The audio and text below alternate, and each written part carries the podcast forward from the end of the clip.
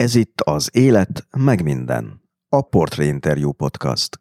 Gondolatok, életstratégiák és világfolyamatok a mindennapi káoszon túl.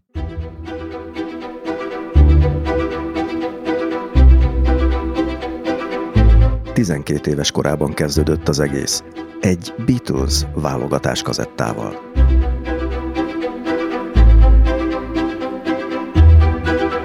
Abban a pillanatban tudtam, hogy én nem tudom miért, hogyan és mi módon én mégse leszek földrajztudós, mégse leszek jogász, mondjuk jogász nem is akartam lenni, hanem én ezzel foglalkozom és kész.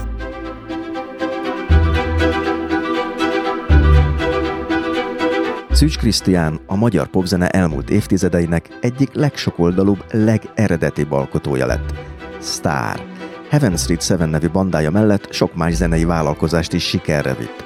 Aztán 40-en túl jött egy mély pont, majd igény a belső nagy takarításra. A zene mellett a zen.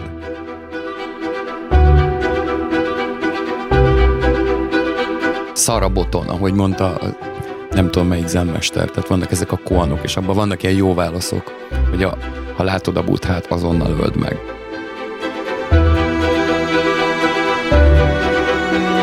Azóta születtek a nagy kérdésre válaszok, és megszületett első gyermeke, de jött saját szavaival élve a pandémónium.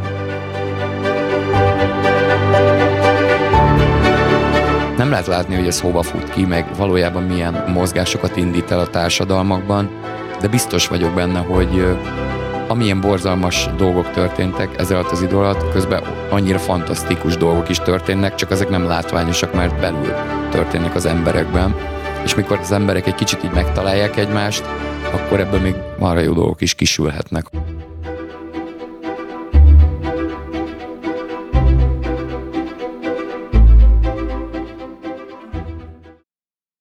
Kedves hallgatók, ez itt az Élet meg minden podcast 41. adása. Én Tóth Szabolcs Töltön vagyok. Ebben az epizódban Szűcs Krisztiánnal beszélgetek popzenéről, meditációról, belső nagy takarításról, a Heaven Street 7-ről, egy új szólókarrierről, és arról, milyen az, amikor valaki 47 évesen lesz apuka. Ebben a műsorban egyébként nincs állami pénz, nincs egyetlen forintnyi állami hirdetés sem, ám létezéséhez így a szponzorok mellett rád is szükség van. A műsort tehát támogathatod a Patreonon. A támogatás módját megtudhatod a műsor weboldalán, amelynek címe az életmegminden.hu. A weboldalon az epizódokhoz bőséges műsorjegyzeteket is találsz, valamint feliratkozhatsz a podcast hírlevelére is, ez pedig a Stósz, ami szintén teljesen ingyenes. Tehát a műsor weblapjának címe még egyszer az életmegminden.hu. A műsornak van egy stratégiai partnere, a Válasz Online. Az ő honlapjuk címe válaszonline.hu. Olvassátok és hallgassátok őket is, hiszen van egy kitűnő podcastjuk, a Heti Válasz.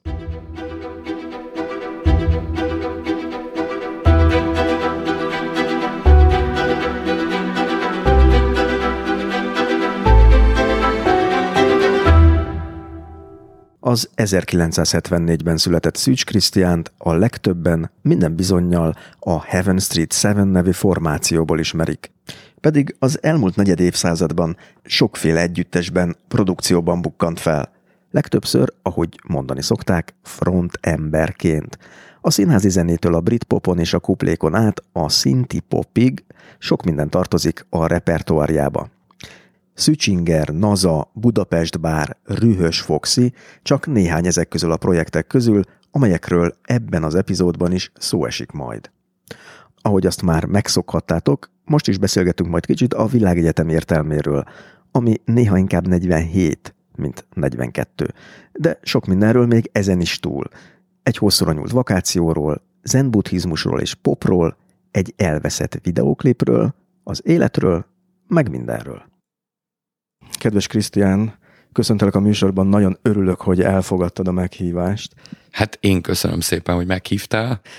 Mindenkit üdvözlök, aki hallgat minket. Azon agyaltam, hogy a 90-es években kezdődött ugye a zenei pályafutásod, karriered, és a mai napig ugye mondhatjuk azt, hogy sztár vagy. Jézus. és nekem ez azért is nagyon érdekes, nem csak a, a Heaven Street 7 és az összes más projektjeid mind nagyon izgalmasak, hanem azért is, mert hogy tulajdonképpen itt közben a magyar, de legfőképpen a világ zeneipar is egy óriási átalakuláson ment át, és én itt azt írtam ki, de javíts ki, hogyha tévedek, hogy az első Heaven Street 7 lemez ez 1995-ben jelent meg, és ennek a címe az volt, hogy TikTok No Fear. Így van, így van. Pontosan. Kazettán jelent meg. Kazettán jelent Akkor meg. még CD se volt. Vinilre meg nem volt pénzünk, úgyhogy kazetta volt. De ez egy konkrétan egy profi kiadó által megjelentetett kazetta volt? Nem, ez szerzői kiadásban jelent meg. Kedves barátunk Sárdi Tamás szponzorálta meg akkoriban. Tehát esélyünk nem volt arra, hogy legyen valamilyen kiadónk. Az volt a nagy szerencsénk, ugye, hogy már a kezdet-kezdetén a Heaven Street Seven képbe került a Bernard Hahn barátunk, aki Bernie más néven, aki egy kiváló nyugatnémet hangmérnök, ahogy szoktuk őt apostrofálni. Egyenesen az NSK-ból. Így van, az NSK-ból. Mindegy, ő már régen, 90-es évek leges legeleje óta ismert a dobosunkat, a Gyuszi bácsit, mert mindegy, tehát az a baj, hogy bármibe belekezdek, bármilyen állításba, akkor mögött egy olyan sztorit tudnék mondani, ami, ami önmagában fél óra, úgyhogy... Az nem baj, ez, most ez, nem... ez, egy, ez egy ilyen műsor, engem például megfogott rögtön az, hogy miért Gyuszi bácsi a dobosnak a neve. Hát meg Gyuszi, Orbán Gyula, de az van, hogy OG, tehát nem OG, hanem OG, OGB és OGB bá. Hát valószínűleg van köze a, a Sose halunk meg című filmhez, ugye, ahol Koltai volt a Gyuszi bácsi, és hát nem tudom, mindenki Gyuszi bácsinak hívja. Gyuszi bácsit mióta az eszemet tudom. De ő veletek egykorú volt egyébként? Pár évvel idősebb a Gyuszi, de nem, tehát hogy egy tehát, hogy nem generáció, generáció vagyunk. Nem. Akkoriban divat volt, például volt a Szilvi nevű barátunk, aki Szilvi bácsi volt.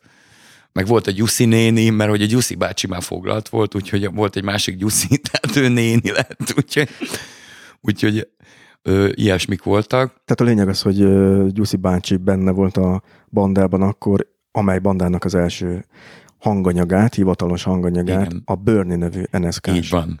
ember keverte. Így van, akivel a Gyuszi bácsi ismerkedett össze régebben, és kimentünk hozzá Stuttgart mellé, Korntál nevű helyre, ahol a anyukájának volt egy óriási háza, és annak az aljában volt egy ilyen kis stúdiója Börninek, mert hát ő is zenész volt, tehát dobos, énekelt is, gitározott, és akkor felvettük az első 11-két számot, amit még az Esztergomi főiskolán gitározgatva Robival, német Robi, aki a basszusgitáros volt, akkor írtam, többnyire én, meg ő is írt egy-két dolgot, úgyhogy volt egy ilyen anyag, amit fölvettünk a, a női zuhanyzóba, a főiskola kollégiumába, mert ott volt a legjobb az akusztika, kazettára elküldtük a bőrnének, és mondta, hogy hát ez kurva jó gyerekek, gyertek ki, aztán vegyük föl, és akkor kimentünk hozzá.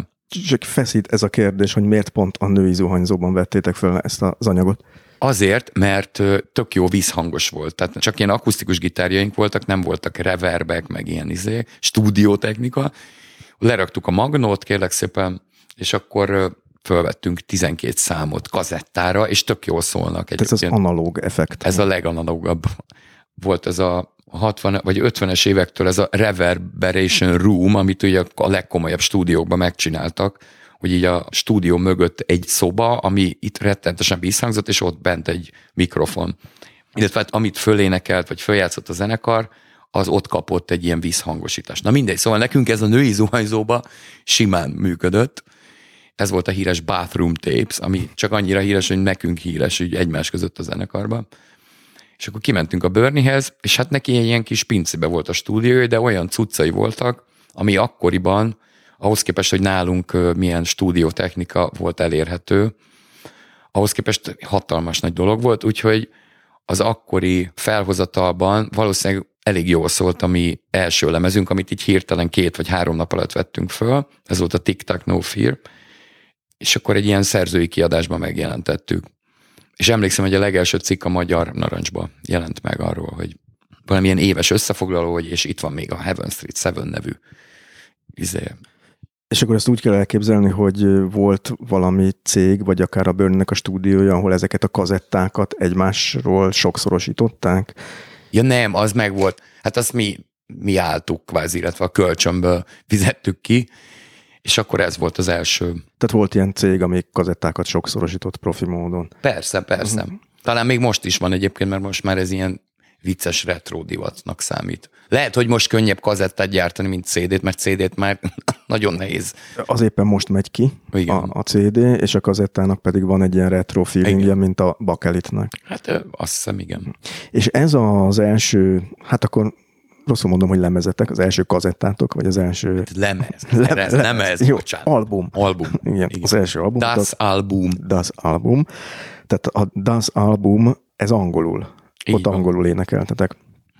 Igen. És miért ragadtattátok magatokat arra, hogy angolul készítsétek az első a Das albumot? Ma már jogosnak hangzik ez a kérdés, de akkoriban valahogy az volt a korszellem, hogy az lett volna fura, hogyha nem. Mert hogy ugye a 90-es évek eleje közepén járunk, és akkor még nincs olyan távol a rendszerváltás, amikor ugye mi, mint tinédzserek, most a mi alatt nem csak a Heaven Street Cemetery hanem rengeteg haveri zenekar, akik szintén az első pár lemezük angolul, angolul csinálták. Ugye úgy éreztük, hogy most hoppá, kinyílt a világ, mi leszünk a következő YouTube, érted? Tehát most érted, most már lehet mindent csinálni, nyilván, nyilván ez működni fog. Meg hát nyilván azért is, mert azok a zenék, amiket szerettünk, hallgattunk, a Beatles-től kezdve az akkori éppen aktuális dolgokig, mikor mondjuk meghallottuk az első Blur, meg Oasis lemezt, meg ilyesmi. Tehát ezek angolul voltak, és valahol azért most is szerintem van egy olyan, hogy az embernek kialakul egy olyan, főleg, hogyha mondjuk dalszerző, egy olyan, olyan hangulat, vagy zenei világa, ami, amit azért olyan borzasztóan nagyon nem tud már megváltoztatni, és nem is biztos, hogy kell. És ez az ilyen nukleusz nálam, nálam is ez az ilyen angol száz gitárzene, vagy nem tudom micsoda-nak nevezzem. Úgyhogy valahogy úgy volt, hogy hát ez nyilván angolul fogjuk csinálni, hiszen mindjárt úgyis világsztárok leszünk, meg ráadásul ott volt akkor a Sex Appeal, meg az Andersen zenekarok, akik, akikkel jóba is voltunk, és ők már úgy tényleg úgy eljutottak egy-két dolgot itt sikerült felmutatniuk, mit tudom én, a Sex Appeal a Sugar Cubes-zal turnézott, amiben ugye a Björk volt az énekes, voltak klipjeik az MTV-n, és akkor gondoltuk, hát, hát persze, hát akkor majd mi is ezen az úton fogunk járni. Meg hát ugye volt ez a Bernie féle kapcsolat, úgyhogy Németországban is volt pár koncertünk néha, volt ilyen mini turné, nyilván ezek ilyen haveri alapon történtek, tehát nem arról van szó, hogy ott valami hatalmas nagy ö, show business alakult volna, de voltak ezek a benyomások, meg ezek a drive-ok, úgyhogy tök egyértelműnek tűnt akkor ez. És még azt hozzá kell tennem, hogy a legelső videoklipünk, amit nem tudom, hogy hol van, nem láttunk 15 vagy 20 éve, és sajnos még a YouTube-ra se lett kirakva, és azt se tudom, hogy hol lehetne megszerezni az eredeti pénzt, azt a török Feri csinálta, kérlek szépen, annak idején a Heaven Up Here című dalra. Még mielőtt a Moszkva tér, meg ezek lettek volna, akkor még, ő, azt hiszem, akkor még bőven járt a színművészetire, rendezőszakra, és ő csinált az első klipünket, ami szintén erről a lemezről volt. De ezt nem tudnám megmutatni senkinek, mert nem tudom, hogy hol van. Akkor lehet, hogy ez egy ilyen mitikus homályba vesző, ám de valamikor nagyon-nagyon sokat érő alkotás lesz, ha Ha előkerül. meg lesz, igen. De itt több dolog is van. Az egyik az, hogy ha jól írtam ki, akkor te ekkoriban 21 éves voltál. Igen. Tehát még a főiskolára jártál Esztergomba. Így van. A másik pedig, amit itt említettél is, hogy videoklip és MTV, ami ugye nekem a zenepipar történet szempontjából azért is érdekes, hogy ekkor már 95-96-ban ugye Magyarországon volt MTV, az angol nyelvűt lehetett látni, de volt ilyen, hogy Z+, meg volt Volt a francia, az MCM. MCM, meg volt egy Top TV nevű valami. Igen, az is volt. Uh-huh. Meg mi volt még Jézusom? A3. A3. Igen. Tehát a kábelen lehetett már nyomni a videoklipeket. Nektek itt rögtön az elejétől az volt, hogy klipet kell ezek szerint forgatnotok, hogy betörjetek a magyar piacra. Egyáltalán hogy képzelt el az akkori Heaven Street 7 20-21 éves emberekkel, hogy hogyan fogjátok meghódítani a zenepiacot? Hát azt hiszem, hogyha összevetnénk egy mai mondjuk 20 évesekből álló zenekarral a tudatosságunkat, akkor nagyon csúnyán alul maradnánk, mert azért akkor még sokkal egyszerűbben mentek a dolgok, meg így ez az önmenedzsment, meg egyáltalán nyilván nem létezett Facebook, meg internet sem nagyon még, úgyhogy akkor még sokkal egyszerűbb dolgokba gondolkodtunk. Tehát annak is örültünk, hogyha egy újságban megjelent rólunk három sor, vagy ha sikerült csinálni egy klipet, akkor ezt egyszer valahol véletlenül lejátszották, vagy hogy valami zenekar előtt játszhattunk egyszer-kétszer, akkor annak már volt egy hírértéke. Tehát ma az, hogy mondjuk játszik egy zenekar valaki előtt, mit tudom én, az oké, okay, az tök jó dolog, de nem biztos, hogy azon olyan sok minden múlik, de akkor például az volt egy nagyon fontos lépcsőfok. Az volt a belépő a Igen. koncertvilágban, hogy te valakinek az előzenekara lehettél. Igen, mert hogy akkor ugye a zenét annyi körítés nem vette körül, mint most. Mert hogy ugye most azért már azt lehet látni, hogy, hogy mindenki van találva, hogy hogy nézzenek ki a klippek, mibe öltözködjünk, milyen koncepciózus imázs, nem tudom micsoda. Hogy mire elérünk a zenéig, az már szinte tök mindegy, hogy mi a zene. És azért valahogy mi tényleg imádtuk ezeket a zenéket, meg úgy éreztük, hogy nekünk is sikerült elkapni egy-két dolgot, egy-két dallal, és mi Isten igazából szerintem abba bíztunk, hogy azt tud működni maga a zene. Tehát a, valahol ez a mai napig is így van, és ez tulajdonképpen természetesnek tűnik, de ebben nyilván van egy naivitás is.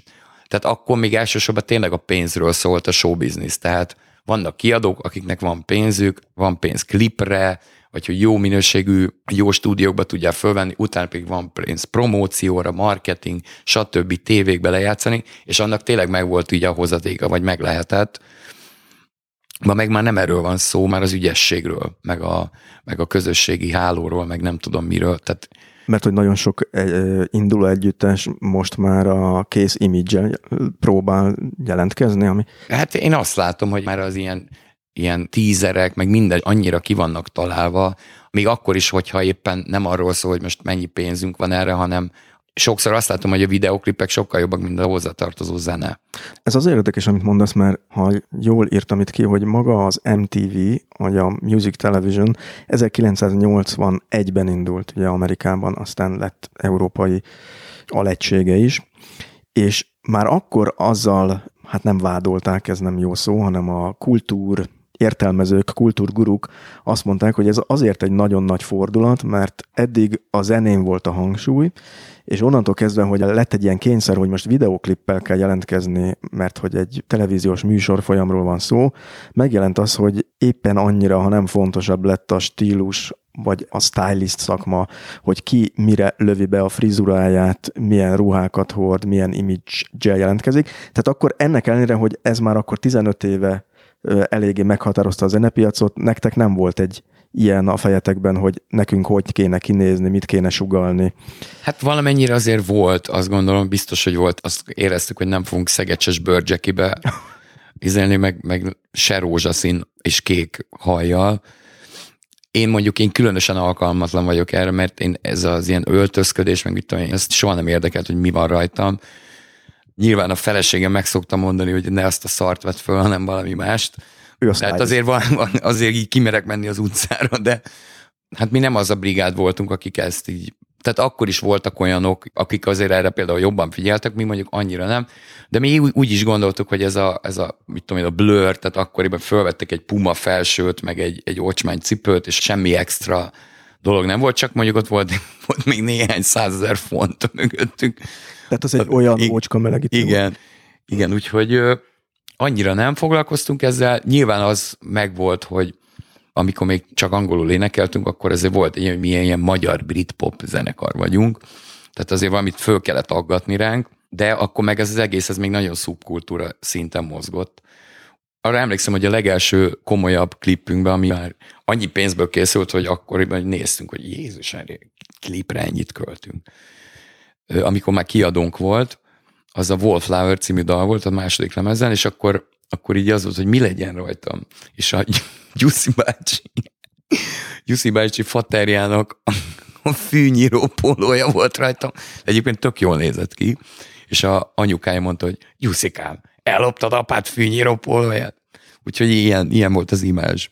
Valódi kulisszatitok. Igen. Egyébként azt lehet tudni, hogy az eltűnt videoklip az milyen számra készült? Igen, van a Heaven Up Here című dal, ami az első lemezen volt, és hát azt éreztük úgy, hogy az, az egy ilyen, mit tudom én, kvázi slágeresebb valami, és kimentünk a Palatinusra télen, és ott a medencébe a ilyen hófehér medence volt, úgy néz ki, mint a havas lenne, de nem havas volt, csak fehér volt a medence.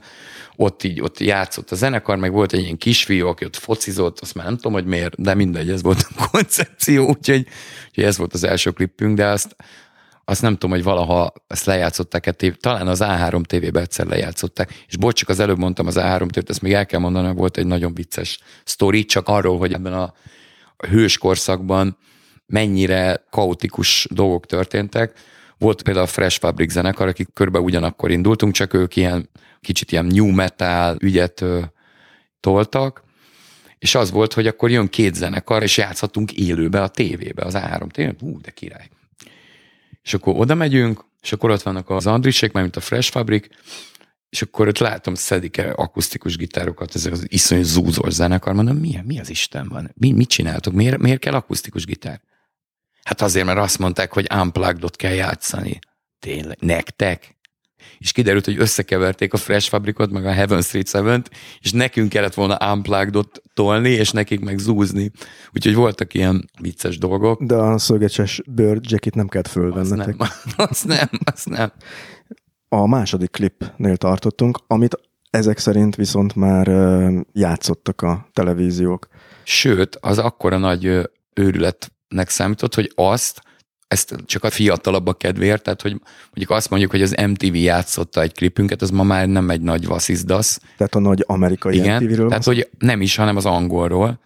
Tehát akkor ez egy óriási dolog volt, ott csak angol, meg amerikai, meg esetleg ilyen, mit tudom én, svéd, akik ilyen nagyon menő, ilyen, mit tudom én, cardigans, meg ilyeneket játszottak. Tehát ez volt az európai divíziója az MTV-nek, az angol székhelye. Igen, hát akkor még nem is volt közép-európai, tehát akkor mit tudom én, volt talán már német, meg volt az angol, meg az amerikai. És akkor oda valahogy, nem tudom, a kiadó beküldte, és akkor a Wallflower című számot azt játszották ott is, meg játszották a francia MCM-en, ami szintén egy óriási dolog volt.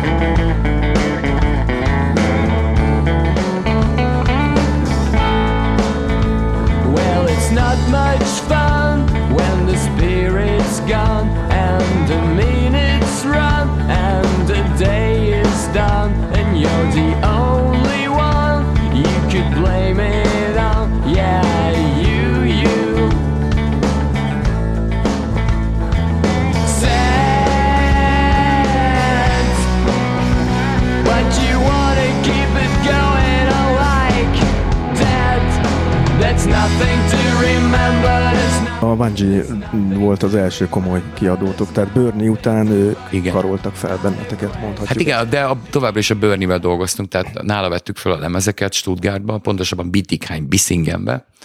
Aztán volt mindenféle hülyeség. Ugye akkor bejöttek ezek a Chemical Brothers, meg ezek, akkor valaki kitalálta, hogy a második lemezünket ne így csináljuk meg, hanem most a izé a menő, akkor csináljuk ilyen big beat, meg ilyen elektronikus alapokat, akkor elkezdtük, akkor mondtam, hogy ezt hagyjuk abba a gyerekek, az annyira nyomorult így. Tehát mi nem ez a zenekar, én imádom a chemical meg mit tudom én, de ez nem az. Tehát az egy kész van, egy lemez, és tök jó. Úgyhogy végül is megjelent a második lemezünk, a Gól, és akkor már azért olyan szinten szintet ugrottunk, hogy akkor már nem csak a haverjaink voltak a koncerteken, hanem a haverjaink haverjai, sőt, esetleg az ő haverjaik is. Az már egy tekintélyes kör. Igen, igen. Viszont egy kicsit leragadnék itt még a kazettánál, mint megjelenési formánál, mert ha jól rémlik az egyik interjútban, de javíts ki, hogyha tévedek, mint azt mondtad volna, hogy zenei karrieredre nézve meghatározó volt egy Beatles kazetta válogatás, amit talán édesanyától kaptál, jól emlékszem? Ez pontosan így van, ez nagyságrendileg nem mondom meg, hogy hányban, de olyan 12 éves koromban kaptam anyukámtól Beatles Best of, vagy nem tudom mi volt a címe, azt hiszem csak annyi volt, hogy The Beatles 62-66. És ez egy dupla lemez volt, vagy nem, két dupla lemez volt, de ez csak az egyik volt, és volt rajta, mit tudom én, 25 szám, és tényleg azelőtt is hallottam a Beatles-t ilyen gyerekkoromban, haloványan rém lett, és azt hiszem az egyik felé a kazettának az első a You Got to Hide Your Love Away volt, ami egyébként valószínűleg nem a leg, hogy mondjam, nem a leghíresebb Beatles szám, nem a legnagyobb sláger, egyébként sem olyan borzasztóan érdekes szám, viszont valami olyan hangulata volt, ami a mai napig meghallom, ugyanazt érzem. Tehát, hogy azt tudtam, hogy ezt meghallgattam, azt a dalt, utána persze a többit is, és abban a pillanatban tudtam, hogy én nem tudom miért, hogyan és mi módon én mégse leszek földrajztudós, mégse leszek jogász, mondjuk jogász nem is akartam lenni, hanem én ezzel foglalkozom, és kész. Úgyhogy biztos, hogy az életem erről fog szólni, ennyit tudtam, az, hogy hogyan, ez mi kell, mit kell csinálni hozzá, kéne tanulni zenét, vagy nem kéne, az nem érdekelt. Volt otthon egy zongora, azon így szereztem valami ilyen Beatles lókottákat, megtanultam 50 millió számot, aztán természetesen utána már egyből elkezdtem írni számokat. Először kísértetiesen emlékeztettek a Beatles számokra, de utána már, utána már úgy nem annyira. Hogy te tanultál valaha zenét? Hát én tanultam elméletileg, de ezt ugye komoly zenészek erre azt mondanak, hogy ez, tehát nem tanultál zenét, csak azt hiszed, mert négy évig zongoráztam, tehát az, a zongora tanulásban az nagyjából nullával egyenlő. De arra jó volt, hogy így a zongorát, mint hangszert így valamennyire azért megismertem, és ha nem is tudok zongorázni, de saját aljas céljaimra tudom használni mondjuk a zongorát vagy a gitárt. De ha jól érzékelem, az viszonylag hamar eldőlt, ezek szerint, hogy te dalokat fogsz írni egyrésztről, másrésztről, hogyha lesz egy együtteset, te ott úgynevezett billentyűs leszel. Igen, de hát én egyből énekeltem, és egyből kamu angol szövegeket énekeltem. A legelső dal, kérlek szépen, az unokaöcsémmel fölvettük, Szegeden a Kossuth Lajos sugárúti lakásukban a Remember John Lennon című dal volt. Én nem zenész akartam lenni, olyan értem, hogy hangszeres zenész, persze az is érdekelt, hanem én egyből egy ilyen komplet valamit akartam, ami zene, szöveg, ének, mit tudom én, tehát hogy minden. És ez az emlék album, Remember John Lennon, ez megvan még neked? Az a baj, hogy nem, azt sem tudom, hogy megvolt egy kazettán, de költözés, be kellett volna digitalizálni, Sőt, még volt a War című békedal is. Bocsánat, elnézést. Oh, nobody needs war. Oh, nobody needs more than peace. Kérek szépen. Oh. ugye, ugye? Most itt ezen mosolygunk, de valószínűleg nagyon kevés tinédzser, és aztán tovább menve gimnazista, és akár főiskolás tudja elmondani magáról, hogy eredeti dolgokat ír már. De hogy itt a kazettát említettem, ez egy rövid kitérő, hogy valószínűleg a mai fiatalok, mai fiatalok, ezt olyan borzasztó kimondani egyébként. Igen, tehát te vagy én. Úgy, úgy értjük. úgy értjük, igen. Kevésbé értik, hogy, és akkor itt most nem rólunk beszélünk mégsem, hanem mondjuk egy generációval későbbről, hogy mi az, hogy kazetta válogatás, hogy ennek van egy, van egy mitikus ja, felhangja. Igen. És van egy regény, akitől lehet, hogy fogok idézni nem csak egyet, hanem kettőt is, de most az elsőt Nick Hornbynak hívják, popcsajok, stb. Gondoltam.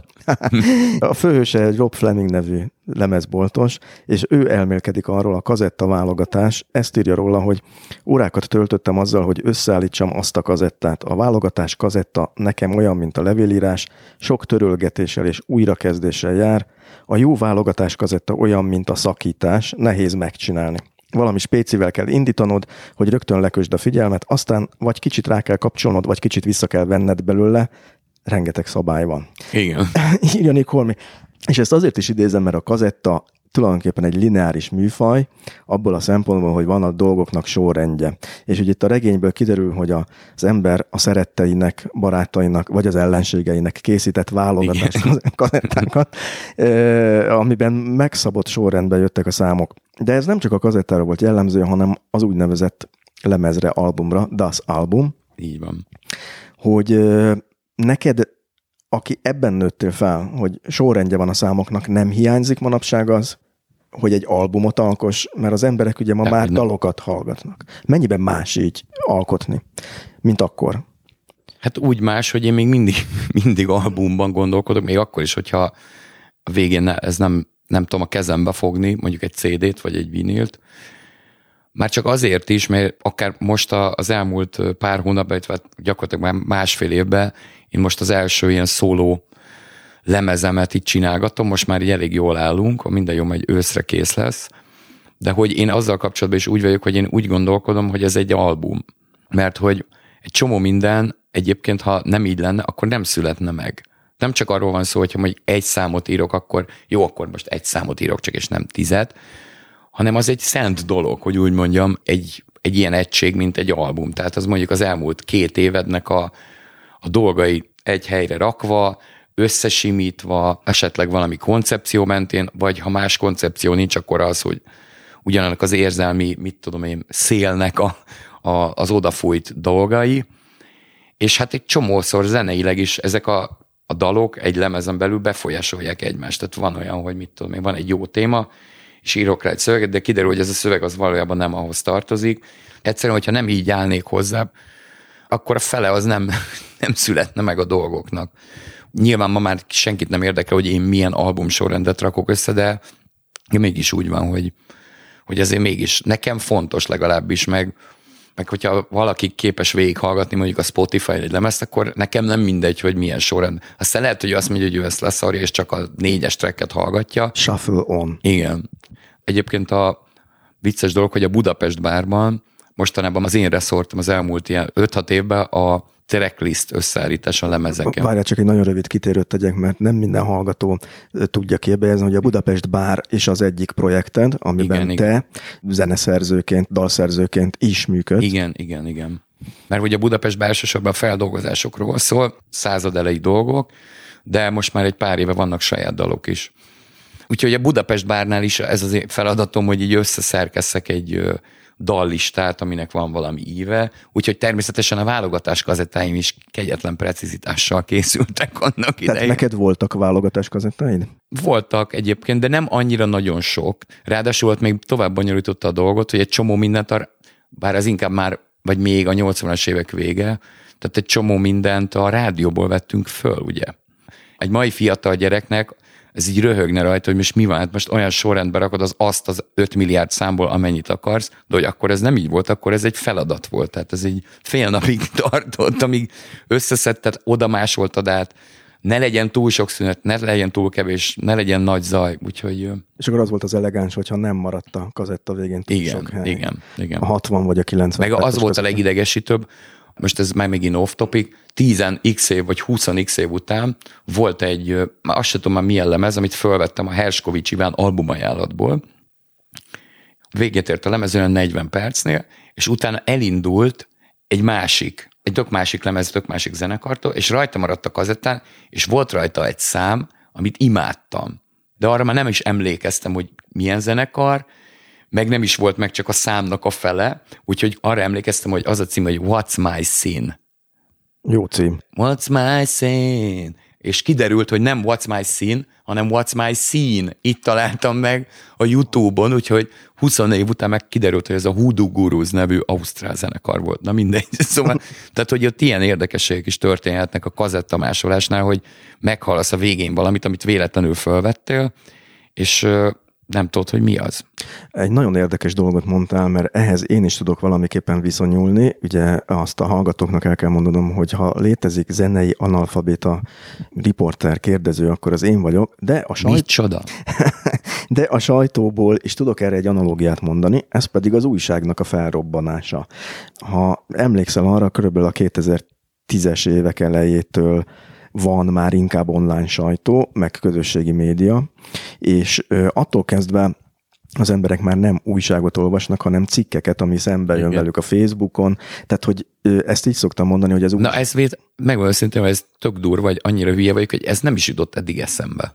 Na, hát ez ugyanaz, mint szerintem Igen. az albumnak. Igen, Én ezt egyébként. úgy szoktam mondani, hogy az újság szétcsomagolása, és ott is van Igen. egy ilyen dolog, hogy régen, amikor egy újságot olvastál, akkor nem csak a téged érdeklő dolgokba Persze. futottál bele, Ki? hanem ott, igen, ott volt mellette. Kiolvastuk a képes újságot gyönyörűen. Például, igen. Tehát, hogy ott volt mellette más is, ami... Le Vagy az alfát. Az alfa, az egy nagyon fontos kultúr, kulturális hatás volt, igen, a, a, akik esetleg akkor még nem voltak gyerekek, csak később, ugye ez volt az a tudományos, népszerű ifjúsági magazin. Az IPM-nek az ifjúsági. Így van, és abban voltak a képregények igen, is, az Asterix. Asterix de közben meg ilyen érdekes dolgok voltak én, mit tudom, vulkánokról, meg bármiről. A Mars benépesítése, igen. ilyen cikkek, igen. Tehát a tudományos fantasztikus irodalom ifjúsági részével is ott lehetett például találkozni az Alfa magazinban, amit mindenki nagyon várt a szocializmus végóráiban. Igen, szóval az újság szétcsomagolással. Igen, tehát innen jutottunk oda, hogy akkor olyan cikket is elolvastál, amire egyébként nem biztos, hogy rákattintanál, most Igen. csak az ott volt mellette, ráesett a tekinteted, és azt mondod, jé, ez érdekes. Ez nagyon izgalmas szerintem, hogy mert ennek a szomszédos dolgoknak a felfedezését átvette az algoritmus. Ugye Spotify, Igen. Netflix nézi, hogy miket figyelsz, Igen. vagy YouTube leginkább, és akkor olyanokat ajánl, ami jó esélyen bejöhet eh, Igen. neked. De ettől ez innen jutott eszembe, meg. És egyben le is szűkíti a látókörödet csúnyán. Így van. A... Hát mondjuk erre az elmúlt másfél évben ez a, azért az újságírás, meg a közösségi média dark side-ja, azért ez nagyon csúnyán szerintem, mert itt tehát, hogy ez, ez így ki lett maxolva ezzel a Covid-dal kapcsolatban, és azt gondolom, hogy ez, ennek azért nagyon hosszú távon borzalmas hatásai is vannak. Hát, hogy itt én nem a Covid-ot említeném első körben, hanem a de akkor nagyon belemerülünk a politikába, de hogy ennek a különféle populáris politikai mozgalmaknak a felfutása azért nem hát az is, választható persze. el ettől, és hát nem fogom magamhoz ragadni itt a szót, csak jelzésként mondom, hogy ugye pont a YouTube, ami ugye a zeneiparban talán majd kitérünk rá, hogy mennyire változtatta meg a dolgokat, talán ott van az ajánló algoritmusnak egy nagyon durva politikai része is, hogy egyre radikálisabb tartalmakat ajánl, mert vízbe, abba a gödörbe, ami tulajdonképpen a te érdeklődési körödet fordítja az erősebb, hangosabb tartalmak felé mm. az algoritmus. És akkor nagyon sokan úgy jutnak el egyébként a mérsékelt mm. politikai világból a radikálisig, hogy az algoritmus e felé Igen. tolja őket. Ez nem tudom, hogy a zenében mennyire, meg hogyan működik. Ez az ajánló rendszer nyilván másképpen, de hogy van egy ilyen közéleti sajtóhatása is ennek a dolognak. Hát ez, igen. Na de a válogatás kazettától jutottunk el ilyen messzire, ami nem baj, mert ennek a műsornak ez a jellegzetessége, és ugye ott tartottunk, hogy a te fiatalkori élményed a Beatles volt, aztán később az Ausztrál banda is. Igen, meg még ezért pár, pár száz egyéb is természetesen. Nektek a, akkor az indulásatok az egy elég erősnek mondható dolog volt, hogy rögtön bejött az élet, mondhatjuk azt, ilyen szempontból. Hát mihez képest, mondjuk pénzt nem kerestünk vele, azt gondolom, azt most már egy elmondhatom, hogy azt hiszem, hogy körülbelül hát így 2000-ig inkább csak költöttünk pénzt a zenekarra, és mint kerestünk belőle, de hát ezzel így, azt hiszem, hogy így voltak sokan mások is akkoriban, de hát ez nekünk élet-halál kérdése volt ez a zenekar és az élet halál alatt nem azt értem, hogy miből élünk meg, mert az nem érdekelt minket szerintem. Meg akkor még főiskola, stb. Én tanítottam általános iskolában egy-két évet. Aha, mert te a Javíts ki a tévedek Vitéz János tanítóképzőn végeztél Esztergomban. Így van. Ott voltak szakok, gondolom. Hát voltak, és ott az az érdekes, hogy talán elsőként az országban ott volt ilyen, mint B-szak, vagy nem tudom micsoda, művelődés szervező, amin belül volt olyan, hogy könyvtár és filmterjesztés, és ugye az egy nagyon menő hely volt a filmterjesztés, ott tényleg filmtörténet, filmszociológia, mindenféle ilyeneket tanultunk, és tényleg érdekes volt. Volt egy moziterem a főiskolán, ahol megnéztük a három és fél órás német expressionista néma filmektől kezdve a, az aktuális művészfilmekig rengeteg mindent. Ez jól jött az azóta eltűnt videóklip forgatásnál is gondolom. Igen, igen, igen. És hát ugye Török Feri például, meg a Pál Figyúri, akik híres rendezők, ma már ők is oda jártak, egy év folyamban jártunk, aztán utána mentek ők a filmművészetire. Bocsánat, hogy közvágok, de pont erre szerettem volna rákérdezni, hogy csap, úgy most itt csapongunk, de talán fontos lesz, hogy milyen hely volt ez az Esztergom akkor, és te hogy kerültél oda, hiszen te budapesti vagy, miért Esztergomba jártál főiskolára? Ennek marha egyszerű magyarázata van, az volt, hogy érettségi után felvételeztem a jogi karra, nem vettek fel egy pont hiány, és akkoriban még az volt, hogyha nem kezdtél el valami főiskolát vagy egyetemet, akkor így elvittek katonának másfél évre, az pedig nem nagyon szerette senki akkor sem.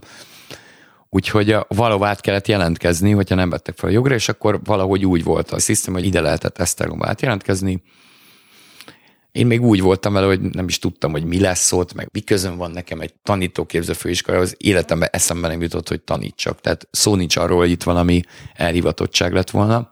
Bár a családomban vannak pedagógusok, elhivatottak, nem olyanok, mint én, és ö, lementem Esztergomba, megérkeztem, óriási buli volt az első pillanatban, ugyanis rajtam kívül még volt vagy 30-40 ilyen ember, aki körülbelül ugyanilyen motivációval érkezett, tehát hogy ne vigyék el katonának, és így négy éves osztálykirándulás volt gyakorlatilag az egész. És hát Esztergom egyébként voltak nagyon sötét időszakai az elmúlt tizenpár évben, de akkor tehát olyan volt, mintha Krúdi Gyula, nem tudom, Lőcsén vagy Podolimba, tehát úgy éreztük magunkat, mint az ifjú Krúdi.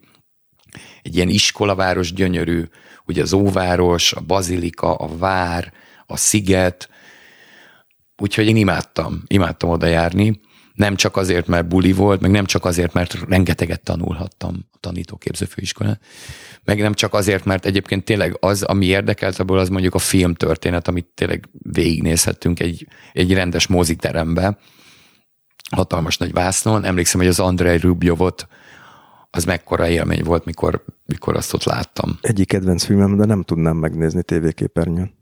Hát azóta én sajnos már megnéztem párszor, de hát semmi értelme nincs valóban.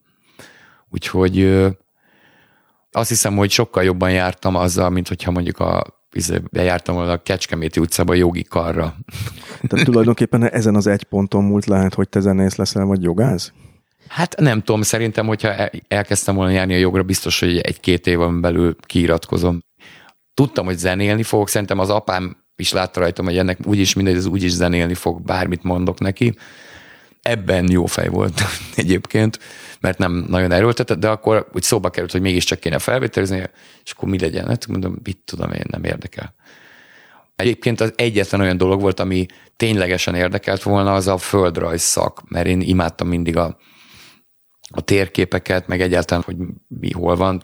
Talán még most is el tudom mondani, hogy a világ összes országának a fővárosát, mert egyébként már nem tudnám, de gyerekkoromban el tudtam. Tehát az ongora mellett az Igen. volt, a térkép volt a másik. Igen, mert nagymamámnál volt Zalába, volt Pallas Lexikon, és egész gyerekkoromban azt néztem az abban levő régi térképeket.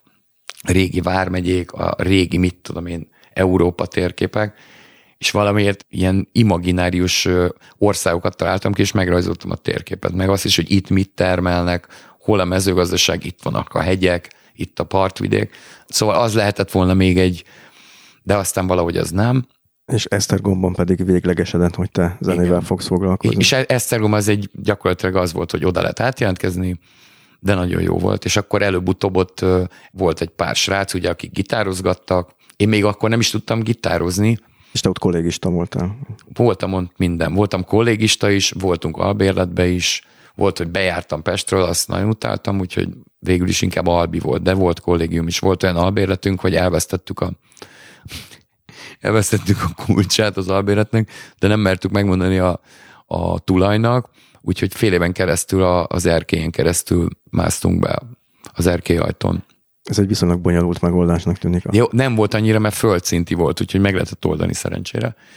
Szóval voltak érdekes sztorik, tehát az egy ilyen igazi, ilyen ifjúkori, nem tudom, ilyen sok mindent meghatározó élményekkel gazdag időszak volt, és még megalakult a Heaven Street 7 is. Ez még a főiskolai évek alatt. Így van.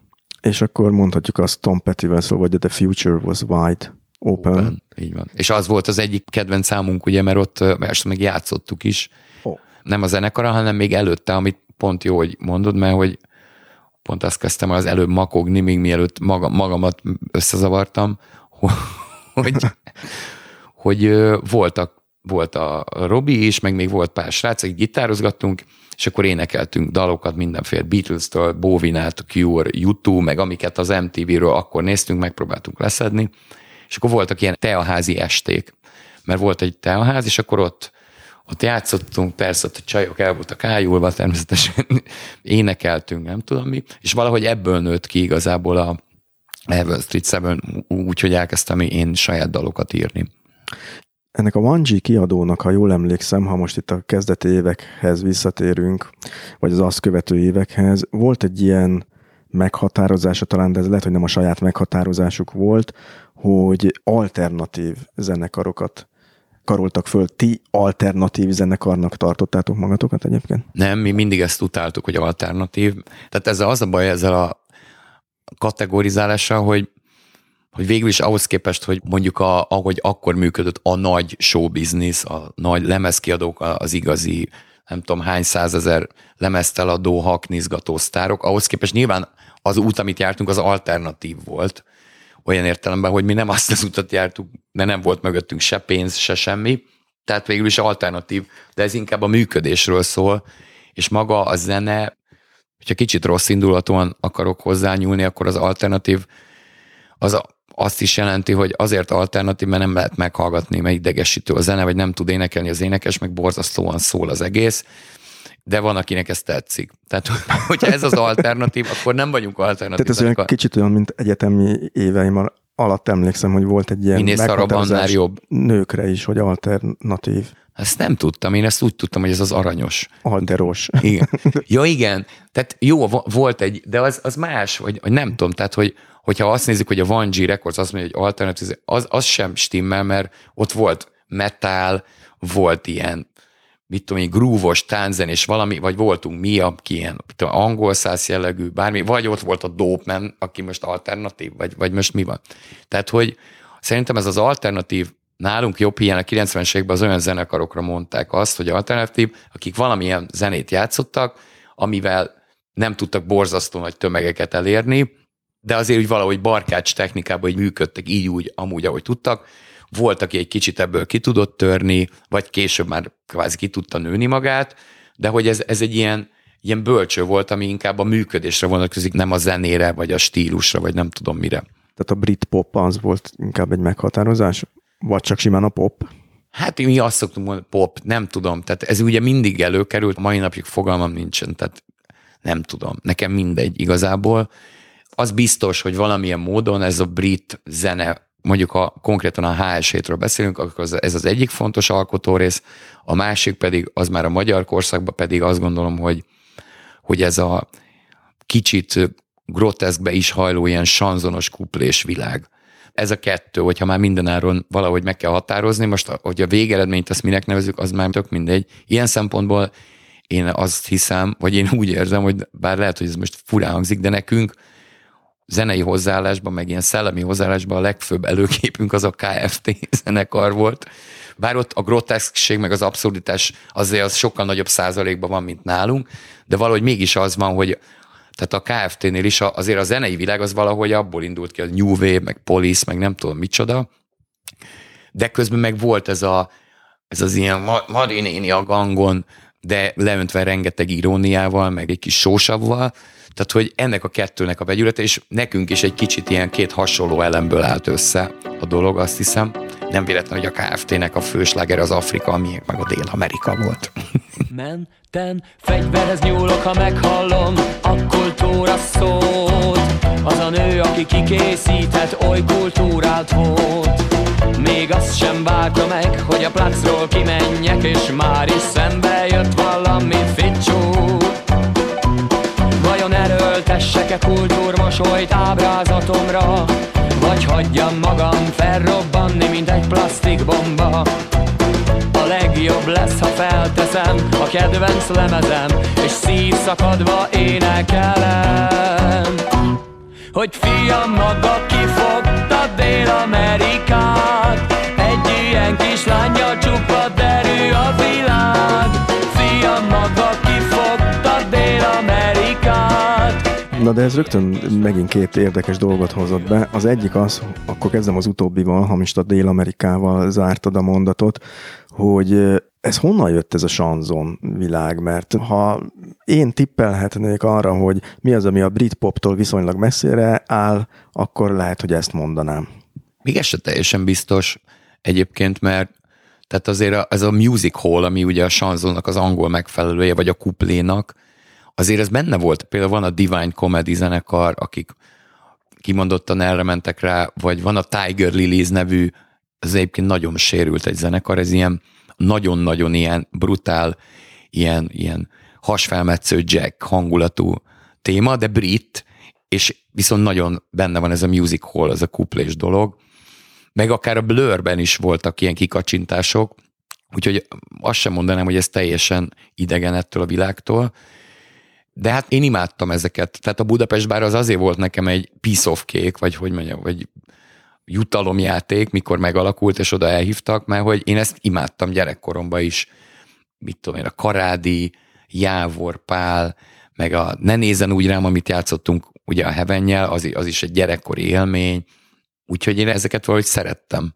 Paudics összes. Paudics, persze. Hát voltak ilyen műsorok, hogy elénekeltek ilyen sanzonokat, színészek, vagy, vagy éppen a mit tudom, Paudics Béla, vagy nem tudom ki, és így be volt rendezve a stúdió, és egy ilyen, ilyen század elejé hangulat, és akkor akár vicces volt, akár szomorú, vagy nem tudom mi, és egyébként volt a tévében, csináltunk ilyen Budapest bár felvétel.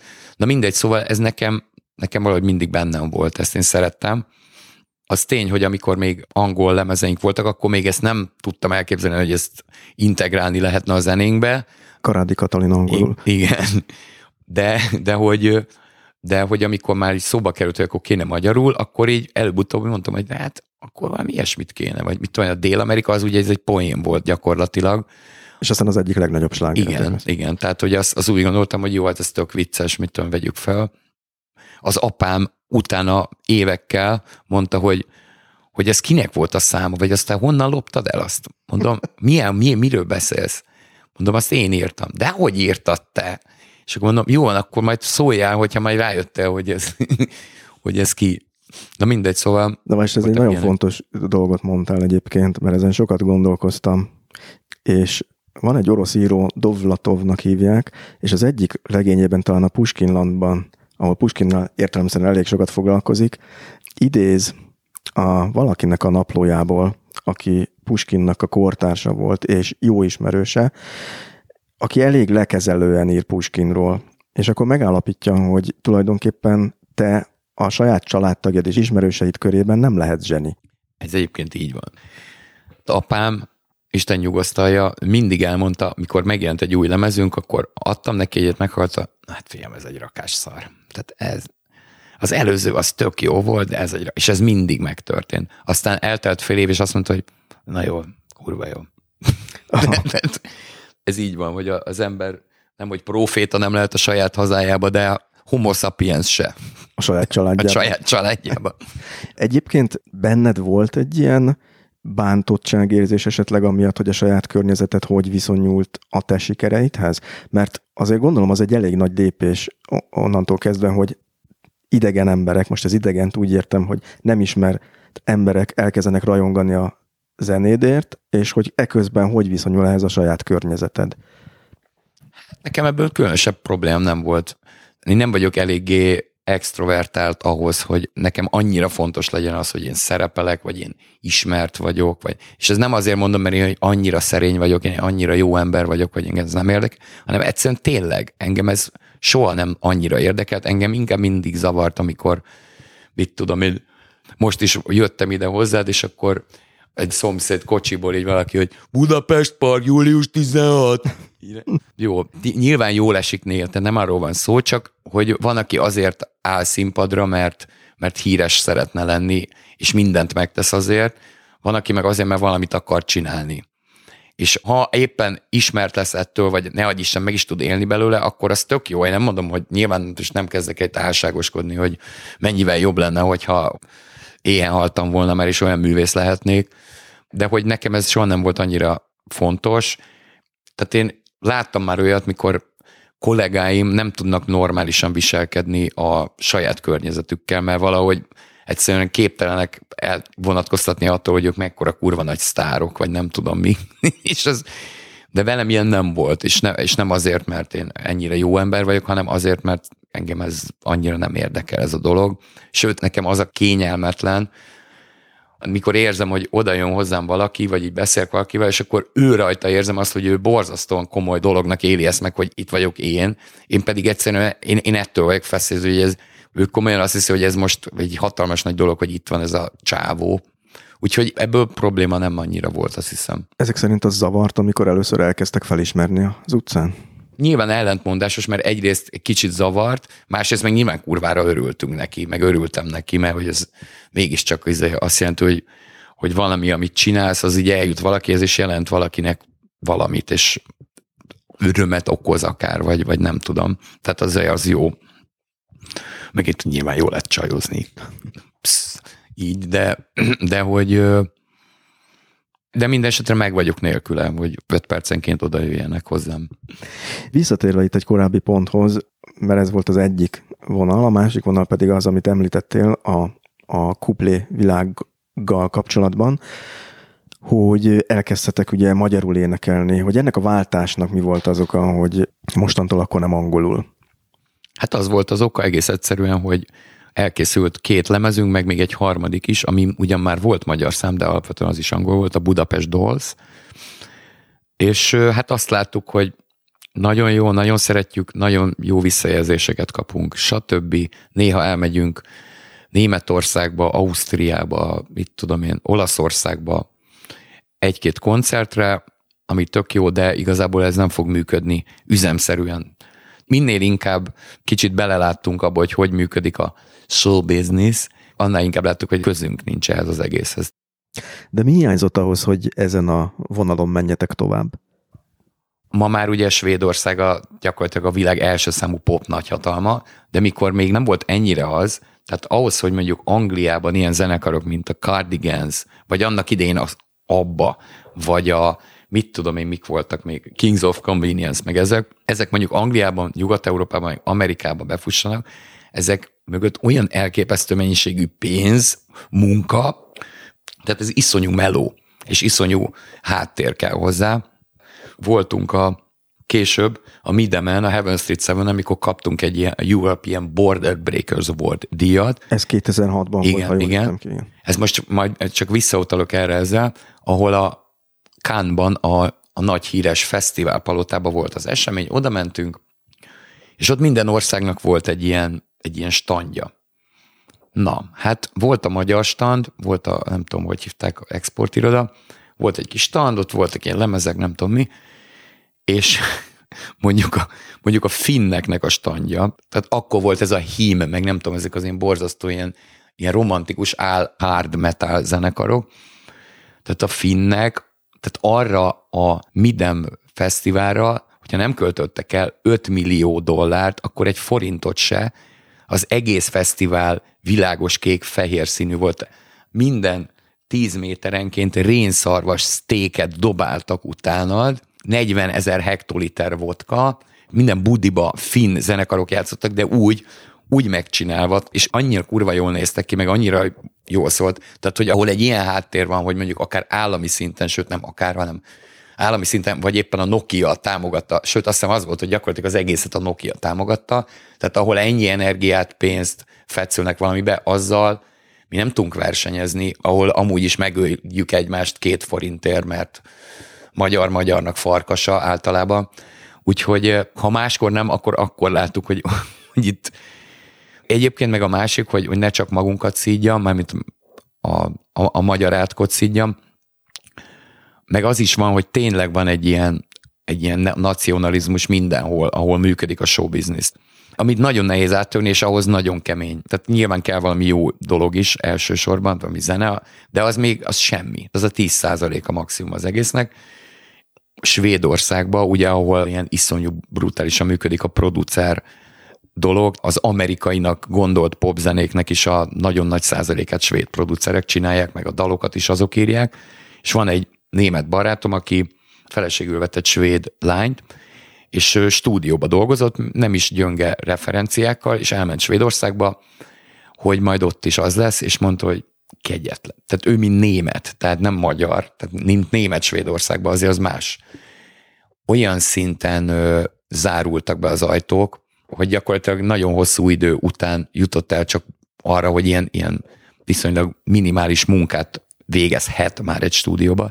Tehát amellett, hogy gazdaságilag és infrastruktúrálisan és fejben is képtelenek lennénk erre, hogy ilyenfajta promóciót vagy bármit végezni, ami külföldön is látszik, amellett meg van egy olyan, hogy senkit nem, nem azért fog őrjöngeni, hogy egy magyar zenekar elmenjen. Izé, maximum egy olyan műfaj van, ez a világzene, amiben mint magyar kuriózum így labdába lehet rúgni, de hát az meg most nekem nem megy.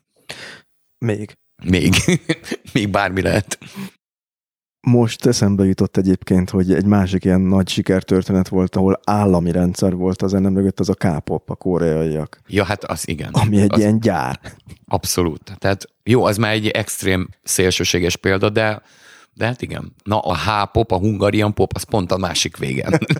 a kettő között azért vannak árnyalatok. A legdurvább, hogy a románok iszonyatosan, jó, hogy inkább ez ilyen, ez ilyen trash, ilyen, nem tudom, ilyen elektrodiszkó. Igen, most nem fogom énekelni akár... azt, ami még nekem is a fülembe mászott, de ott is állami dolgok nem, vannak Nem tudom, hogy állami de hogy ott valahogy meg tudták vetni a lábukat, még akkor is, hogyha igazából ez nem a valójában a, a zenének szólt az az ismertség, tök mindegy, de valami hírverést tudtak csinálni, meg valamilyen promóciót.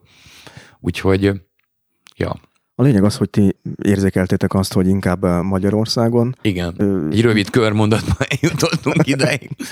Szokatlan volt egyébként magyarul írni azok után? Nem, azt azért nem mondanám. Egyrészt azért, hát nyilvánvalóan, hogy írtam verseket tínédzser koromban, meg persze, hogy meg kellett írnom az első kötetemet, ami a mai napig egy fekete füzetben van. Verses kötet? Verse, nem merném most elolvasni őket, de igen. Meg hát a, annak idején a posztgimnáziumi zenekarban, a Babyface-ben ott ö, magyar szövegek voltak, úgyhogy nekem már volt ilyesmi tapasztalatom. Igazából nem esett annyira nehezemre a dolog, csak azt a feelinget, amit ugye az, hogy angolul énekelsz, és akkor úgy érzed magad, mint a te lennél a, a Blur, vagy a nem tudom kicsoda, vagy a Pulp, és hogyha magyarul énekelsz, akkor meg már nem úgy érzed, az már nem az az érzés, érted? Még ha tök jó, akkor sem. De az lehet, hogy jobb, nem?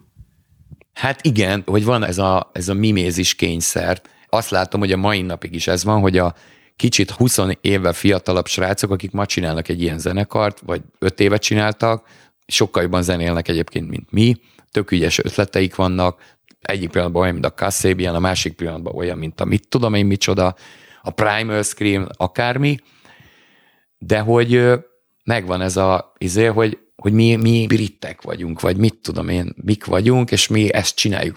Nem érdekel, hogy ki mit magyaráz. Csak hát ugye eznek azért nincs sok értelme, mert, mert a végén legjobb esetben is csak valami jó minőségű kópiát tudsz csinálni. Illetve ez sem teljesen igaz, mert vannak rá például, pont az előbb mondtam ezt a Kings of Convenience-t, ami például egy zseniális példa arra, hogy angol nyelvű releváns popzenét lehet úgy csinálni, hogy bár nyilván a zene az angol száz gyökerei vannak, de mégis azt lehet mondani, hogy ez egy tök jó valami, ami önmagában érték, és nem azért érték, mert hasonlít a Simon és Garfunkelre. De hogy viszont az tényleg kihívás volt, hogy, hogy olyan magyar nyelvű szöveget írni, ami, ami nem ilyen köldöknézés csak, ami így megérint embereket, de mégsem kellemetlen. Azt érted köldögnézés alatt, hogy olyan szövegek, amelyek nagyon be vannak zárva a magyar világfájdalomba. Magyar világfájdalom lehet, hogy most hát egy vagy kicsit zavaros így. Hát igen, ez, ez egy nehéz kérdés, mert én arra gondoltam, hogy mai napig hallok olyan zenét, és tök mindegy, hogy milyen fajta zené, ami akár rádióban, vagy akár valaki mutat, hogy hallom, ordít róla, hogy ez a szöveg azért lett ilyen, mert ehhez a számhoz kellett egy szöveget írni. Tehát, hogy én ettől rettegtem mindig a legjobban, hogy most ehhez kell írni egy szöveget, abból lesznek a legszarabb szövegek. Tehát mikor érzed az erőlködést, hogy így próbál valamit, hogy ez valamiről szóljon, de nem szól semmiről, mert nem belülről jön, hanem kellett egy szöveget írni. A köldöknézés, ezt meg nem tudom, azt ugye ezt az alternatív zenekarokra szokták mondani. Nyilván nekünk is volt ilyen köldöknézősnek mondható dolgaink, de azt hiszem, hogy ez a magyar szöveg a zenének a színvilágában is nyitott ki dolgokat, vagy lehetőségeket szerintem, mert, mert az, hogy van egy angol szöveg, még hogyha jó is, tehát akkor is te arra koncentrálsz, hogy te most angolul énekelsz, és akkor ez olyan, olyan izé. De hogy amikor bírod a nyelvet százszázalékosan, akkor meg ezek természetesen jönnek ezek a dolgok, és akkor a zenét is módosíthatják, nagyobb a színskála egyszerűen. Nyilván vannak olyan Heaven Street Seven dalok, amiket ma már utálok. De azt nem azért utálom, mert rossz a szöveg, hanem azt, hogy arra emlékszem, hogy ezt azért írtam ezt a szöveget, hogy ez egy kicsit olyan odamondós legyen. Tehát kár volt. Ez nagyon bulváros kérdés, a konkrétumot kérek? Nem bulváros kérdés, a Szia című szám, abból még klippet is csináltunk, és egy slágerünk volt valamilyen szinten. Szöveg szakmailag nem rossz, tehát ne, nem béna, csak egyszerűen ott a mondani való az erőltetett, vagy van a hip-hop music, amit meg azért nem szeretek, mert, mert az tényleg semmiről nem szól, ha bár úgy nem szól a semmiről, hogy arra rá lehet fogni, hogy ez, ez azért jó, mert ez a semmiről szól. Csak nem ez volt az, a szándék. Itt egy kicsit egy filozófia mélységekbe hát jutunk, nagyon. jutunk ezzel, hogy a semmiről szól, és uh, most hirtelen John Cage ugrott be, ugye neki van ez a híres, uh, el fogom rontani 4 perc, 33 másodperc, csend. Mm. 4 perc 33 szerintem, igen. igen. De hogy ha jól tudom, és akkor itt most nyitunk egy nagy kitérőt megint, a kitérők beszélgetése lesz, de igyekszem mindig visszatérni. A hallgatók megnyugtatására mondom, hogy a zen buddhizmus az a te életedben egy elég fontos uh, dologá vált. lebuktattál. Jó, hogy ez egy, ez egy ijesztő dolog, mármint, hogy szóval az zen, az zen buddhizmusban az egyik fő alaptétel, hogy olyan, olyan nincs, hogy zen buddhizmus, illetve nincsenek zen buddhisták, de igazából mindegy, tehát ez már egy coming out volt már a kérdésen beépítve. Helyetted elvégeztem Igen. a munkát. Tehát annyi van, hogy én így szoktam menni egy nagyon, nagyon szimpatikus, fantasztikus zen buddhista templomba időnként gyakorolni, sajnos nem eleget. Egy, egy pár éve, egy-két éve, meg már így korábban az én életemben egy komoly cezúrát jelentő pont volt a 2015-ös év, amikor sok minden történt, tragikus dolgok is történtek családilag, meg ugye például felosztott a Heaven Street Seven zenekar is. Elméletileg ez egy borzasztó traumatikus korszak volt, vagy egy traumatikus pont, és ráadásul 42 éves koromban, ami ugye a Douglas Adams szerint mi a, az élet értelme 42. Ez ebben a podcastban egy külön jó pont, hogy ezt említem. És ja, hát igen. Tehát át kéne nevezni 42-nek. Mindegy. Jó. És akkor hát így felmerültek akkor ilyen dolgok, hogy most akkor ki vagyok én, mi vagyok én. Jó, nyilván ez már gyerekkoromban is felmerült, tehát gyerekkoromban zenbuddhistább voltam, mint valaha lehetek most már valószínűleg is minden gyerek. Ezt utólag így látod legalábbis. Így, igen. És hát jogáztam, sok mindent olvasgattam, érdekes dolgokat, ami végül is tulajdonképpen mindegyik ugyanabba az irányba mutatott, ami egyszerűen próbálva megfogalmazni, mindig egyszerűnek tűnik, de valójában mindig nagyon bonyolult. Tehát, hogy mi, vagy mindenki külön-külön általában összekeveri saját magát a, a traumáival, a karmikus lerakódásokkal, az ego struktúrával, stb.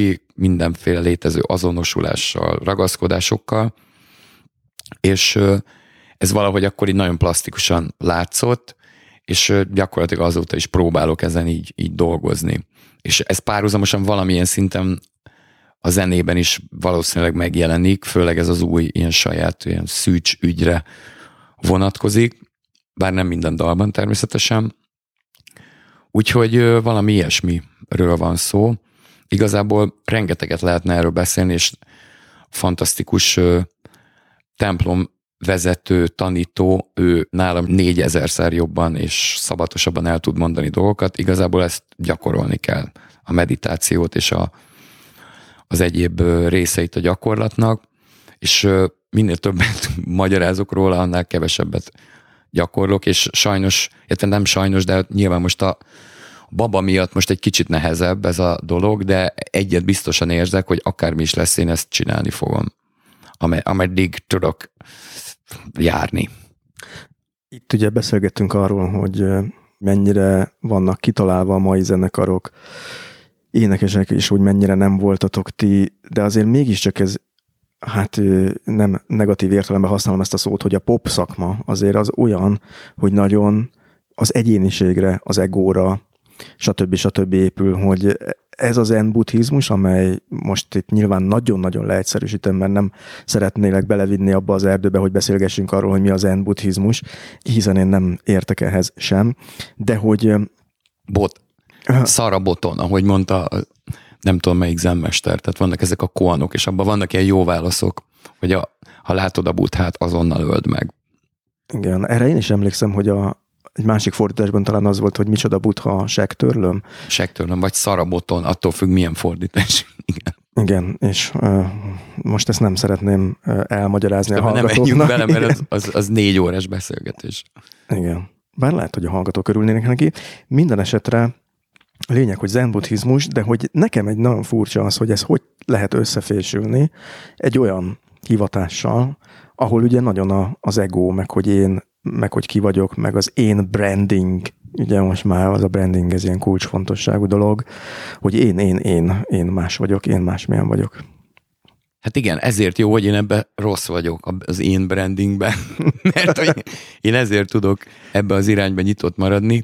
Most ez félig poénosan mondtam, de csak félig, mert hát azért látok itt magam körül kollégákat, embereket, akik azért így erre a korra, 40 pár éves korukra azért így, így beleőrülnek abba, hogy ők, ők a saját maguk brandjét felépítették, és hogy azért kicsit így saját maguk előtt szeretnek így leborulni, de nem maguk előtt kéne leborulni, illetve más értelemben kéne maguk előtt leborulni.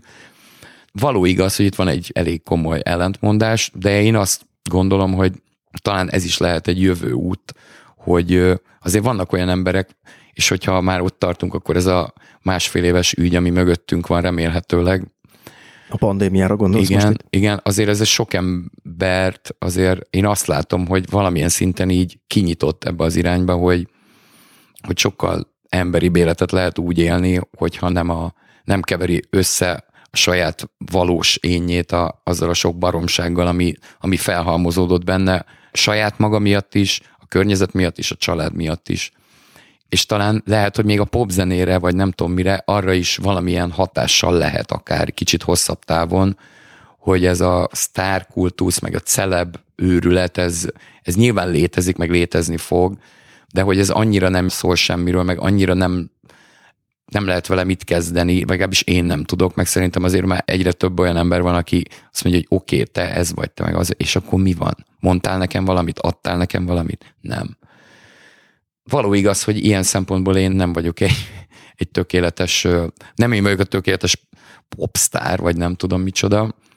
de hát nem is tervezek öngyilkosságot elkövetni, mint a koreai popstar lányok, fiúk. Egyébként most eszembe jutott egy nagyon érdekes felmérés, majd a műsorjegyzetekbe belinkelem, egy amerikai felmérés arról, hogy a pandémia után kinek milyen tervei vannak az életben, és egy egészen durva szám jött ki, most nem biztos, hogy pontosat mondok, de valami 90%-a az embereknek azt latolgatja, hogy nem megy vissza oda dolgozni, ahol addig dolgozott elképesztő szám. Tehát nem az, hogy 20% mhm. megvilágosodott, és nem akarja azt csinálni, amit eddig, hanem 90% ez a, ez a pandémiáról eddig a legjobb hír, szerintem. Még ez más kérdés, hogy mennyien döntenek Igen. aztán úgy, vagy lépik Tehát meg. ezért mondom, hogy olyan emberekbe is, akik előtt természetesnek vették, hogy az élet az, hogy bejárok valahova dolgozni, amit 30 40-70 százalékban gyűlölök, de dolgozni kell, mert azt mondták, hogy dolgozni kell, mert különben éhen halunk, és hogy ezt, ezt a alapvetést, amiről szól az úgynevezett civilizált élet, ami úgynevezett civilizált élet az elmúlt pár száz évben Európában és Amerikában. Tehát azért egy bazi nagy kérdőjel oda lett mögé rakva, és hát ezt nem lehet látni, hogy ez hova fut ki, meg valójában milyen mozgásokat indít el a társadalmakban, de biztos vagyok benne, hogy amilyen borzalmas dolgok történtek ez alatt az idő alatt, közben annyira fantasztikus dolgok is történnek, csak ezek nem látványosak, mert belül történnek az emberekben. És mikor az emberek egy kicsit így megtalálják egymást, akkor ebből még marha jó dolgok is kisülhetnek. Mert azért a Magyarországon is, meg nem csak Magyarországon, hanem a fejlett világban a munka az gyakorlatilag egyenlő a robottal az esetek 90%-ában, úgyhogy itt stimmelnek a számok is a kényszer munkával gyakorlatilag, tehát nagyon kevés olyan embert ismerek, aki ne gyűlölné a munkáját. Még hogyha szereti is, akkor is olyan, olyan szituációba keveredik, hogy még hogyha szereti is, amit csinál, akkor is valahogy egy robot lesz belőle előbb-utóbb. Ez a zenélésre is igaz. Még én viccesen szoktam mondani, hogy 25 éve kiköpött magából a munkavilága, de hogy végül is azért ez egy munka is. Tehát mi a munka? Most a munka az, amit csinálni kell, de utálom, és attól vagyok ember, hogy én szenvedhetek azzal, hogy én dolgozok, olyan dolgot csinálok, amit nem szeretek.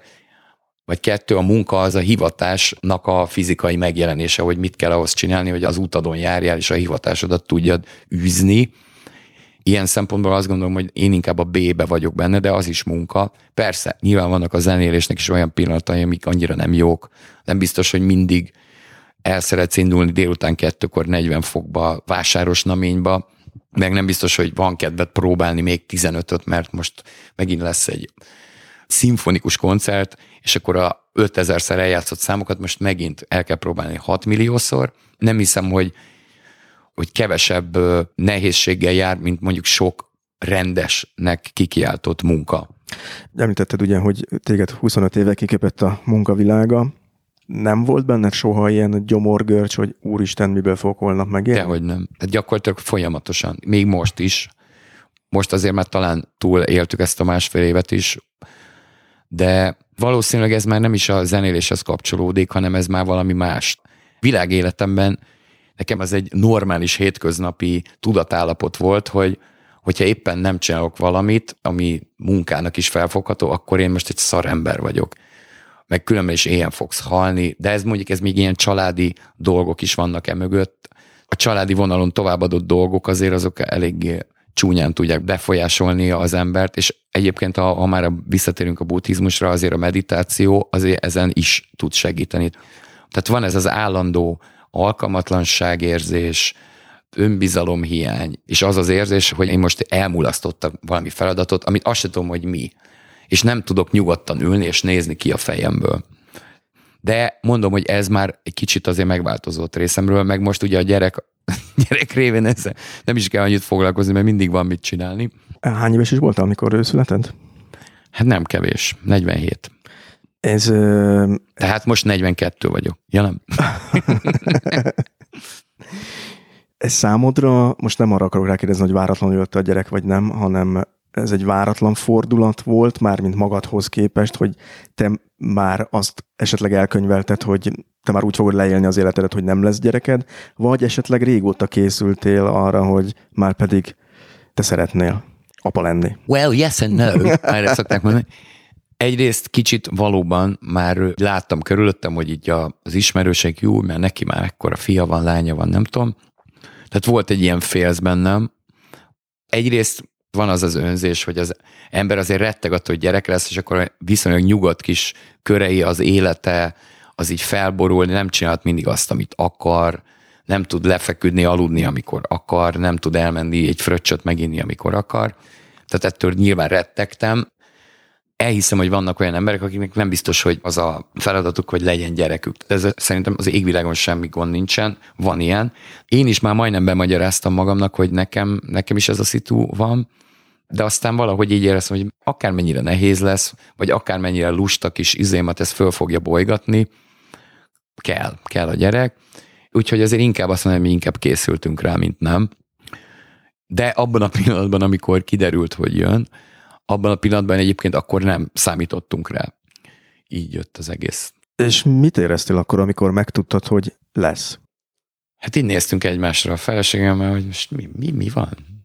De nem, de el, el, nem tudom elmondani egyszerűen. Gyakorlatilag a születése előttig, még az utolsó héten is nem tudtam felfogni, hogy ez most akkor tényleg van. Egyébként ez nem beteges dolog, mert ezt másoktól is hallottam, akinek sokkal nagyobb gyerekeik vannak, hogy az van, hogy már megszületett a, a gyerek, és még lehet, hogy évekkel később is néha, hogy ránézel, és azt mondod, hogy ki ez? Tehát az nem azt jelenti, hogy nem imádom, meg nem a legfontosabb dolog az életemben, hanem egyszerűen, főleg, hogyha már ilyen öregen lesz gyereke az embernek, akkor már annyi időt leélt úgy, hogy, hogy nincs gyereke, hogy, hogy el kell telni egy pár évnek, még úgy Isten igazából leesik a tantusz. Nyilván foglalkozom vele, szerencsére nagyon sokat tudok vele foglalkozni, ahhoz képest, hogy apuka vagyok, de hogy tényleg ez így nehéz, nehéz felfogni ezt a dolgot, és nagyon, nagyon fura, meg néha vicces is. Jó, egyet el kell mondjak, voltunk a DM-be, mikor még ilyen másfél hónapos volt, Figyelj, ezt meghallja a feleségem, akkor megöl, na mindegy. És vettünk pelenkát, meg mit tudom én, toltuk a babát, és leraktuk egy helyen a kasszától ilyen 6 méterre, meg hogy mit tudom, akkor te azt megnézed, én meg azt, vizé, hoztuk a cuccokat, jó, jó, jó, jó, oké, meg vagyunk, beálltunk a kasszához a sorba, így állunk, két-három perc eltelik. Hol a gyerek? Volt, elfelejtettük, hogy hogy ott a gyerek. Jó, hát öt méterre volt tőlünk, tehát semmi Szokás danger nem volt, igen, de, de hogy ez nem lehet elhazudni, hogy ilyen van, meg ettől semmi baj nem lesz, tehát ez inkább röhögni kell. Akkor a, például a feleségem teljesen ki volt, de mondom, Mucika, figyelj, inkább röhögjünk ezen, mert most ez nem azt jelenti, hogy mi nem, nem vagyunk felelősek, vagy izé, hanem azt jelenti, hogy, hogy együtt élünk x éve, és akkor berögzültek dolgok, hogy elmegyünk a DM-be, és utána beállunk a sorba, és egy pillanatra elfejtettük, hogy, hogy van egy gyerekünk egy másodpercre. És eszembe jutott erről, hogy nekem életem egyik traumatikus élménye volt, miközben senki semmi rosszat nem tett egyébként. Egyszer elfelejtettek a szüleim értem jönni az óvodába. És az óvónéni vitt haza, és láthattam azt, hogy a család, aki békésen ücsörög otthon, Hát ugyanez a szituáció. Ja, ja, ja, ja. Egyszer történik meg ez az életben, hogy nem jutott eszükbe, hogy, hogy ez van, és nem is az volt a trauma, mert tök jól el voltunk óvónénivel, stb., hanem hogy láttam kívülről a családot, ahonnan nem hiányzom. Ja. Békésen ültek este. Ó, micsoda trauma. Igen. Ez nagyon hát komoly. Ez ugyanaz, tudod, amikor, hogy meghalsz, és nem hiányzol senkinek. Ja. Igen, mint a, pont most hallottam erről valami sztorit, hogy valakinek mesélt a Körmendi János, hogy tudod, mi lesz, hogyha meghalsz? A családod, tudod, mi lesz? Az lesz, hogy a feleséged megkérdezi, hogy mi legyen ebédre. Megkérdezi a gyerekeket másnap. Igen. Igen. Na jó, mindegy. Ez Igen. Mindegy, szerintem ezen is csak röhögni kell inkább. Igen. Igen, viszont itt kiírtam 2015-ből egy interjú részletet, akkor a mélypont ünnepéjénél maradva. Azt mondtad, hogy boldogság? Teszed fel a kérdést. Olyasmi az, mint az élet értelme, a kérdések kérdése. Annyit lehet rá mondani, hogy 42. Mondjuk én éppen 42 vagyok, szóval hát ha majd most kiderül, adódik a kérdés, hogy kiderült-e? Hát egyébként most így mondhatnám azt, hogy köldöknézve, hogy, hogy igen, tehát hogy, hogy azóta elég jó dolgok történtek, és azt hiszem, hogy ez a, az a pont, amit ez a 42, ez tényleg valami komoly cezúra volt nálam, és, és hogy azóta olyan dolgok történtek velem, amikről soha nem gondoltam volna. Nem kell semmi komolyra gondolni, csak nyilván ennek a csúcsa a, a kisfiam, de hogy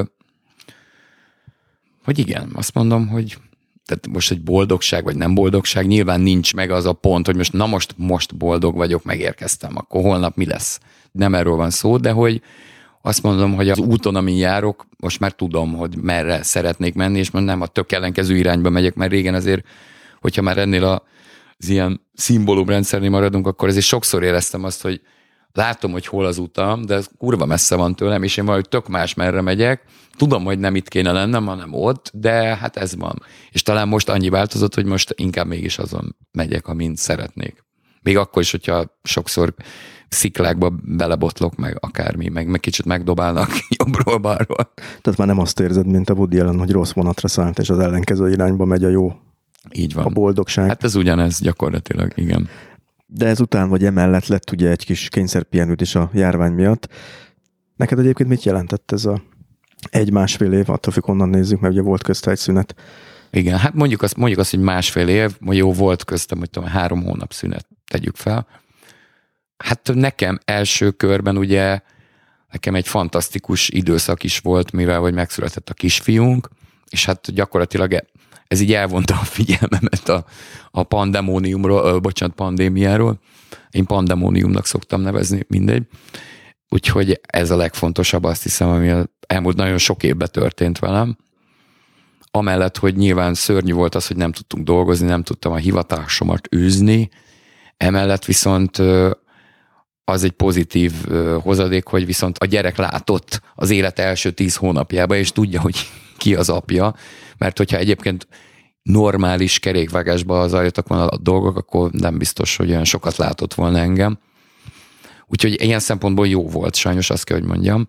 Másrészt meg viszont dolgoztam is olyan értelemben, hogy nem csak azért, mert azért tavaly nyáron volt egy csomó koncert, meg így ősszel is volt egy pár, hanem írtam mondjuk a Budapest Bárnak, illetve hát a Budapest Bár és és egy társulat Keresztes Tomi rendezésében színpadra állított a 14 karátos autót, rejtőjenő, egy ilyen zenés színház keretében, amit egyébként zenés képregény színháznak neveztünk el, mert marha jó vizuális megoldások vannak, nem díszletek, hanem ilyen rajzolt díszletek, amiket Várai Artúr nevű fantasztikus grafikus srác készített, és én meg megírtam hozzá a dalokat, meg a dalszövegeket, amiket a Budapest bárral meghangszereltünk, és és eljátszák, és a színészek éneklik őket, és nekem ez egy óriási dolog volt, mert soha nem csináltam ilyet, és ezt pont akkor kezdtük el, amikor elkezdődött a pandémia, tehát tavaly március-áprilisban.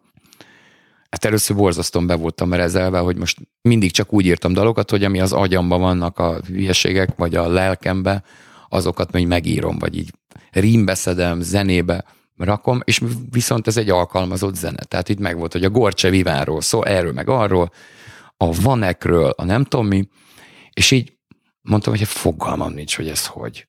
És egyszer csak elkezdtem írni, és így pillanatok alatt megírtam 6-7 számot, és a zenekar még csinál, és tök jó volt. Szerintem működik. Sajnos mert nagyon kevés előadás volt, mert ugye ez, ez se lehetett, de most egyébként megint lesznek szerencsére ebből előadások. Rejtő rajongó voltál egyébként korábban, vagy ez váratlanul jött ez is az életedbe? Maradjon kettőnk, én soha nem voltam rejtő rajongó. Biztos, hogy olvastam a, mit tudom én, gyerekkoromban egy-két izét, de én annyira nem voltam. Nyilván ezeket a figurákat ismertem, meg képregényt persze láttam, meg egy-két ilyen jó bemondás az megmaradt, de én nem mondhatnám azt, hogy én éjjel-nappal rejtőt olvastam, úgyhogy most el kellett olvasnom a 14 karátos autót, mert fogalmam nem volt a sztoriról.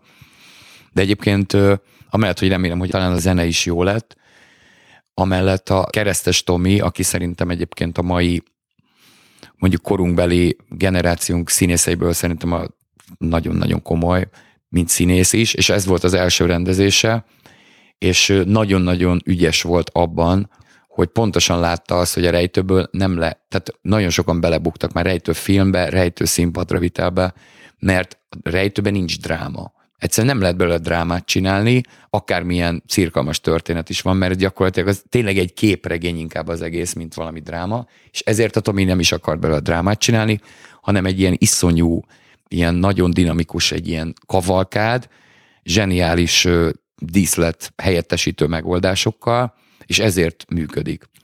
Úgyhogy nem voltam rejtőrajongó, de most elolvastam végre a 14 karátos autót, és írtam belőle 10 dalt. Úgyhogy, Aha. És egyébként az egyik legnagyobb jutalomjáték számomra is az volt, hogy Vanek urat Mikó István játszotta, vagy játsza. Tökéletes választás. Igen, tehát ez elképesztően zseniális, és kellett írnom egy Vanek úr dalt. És hát végig a Mikó feje volt előttem, és megírtam, és az első előadáson elénekelte, és megőrültem. Tehát, hogy az sikerült, azt kell, hogy mondjam. Az a dal, az az övé. De ez egy óriási élmény volt nekem például.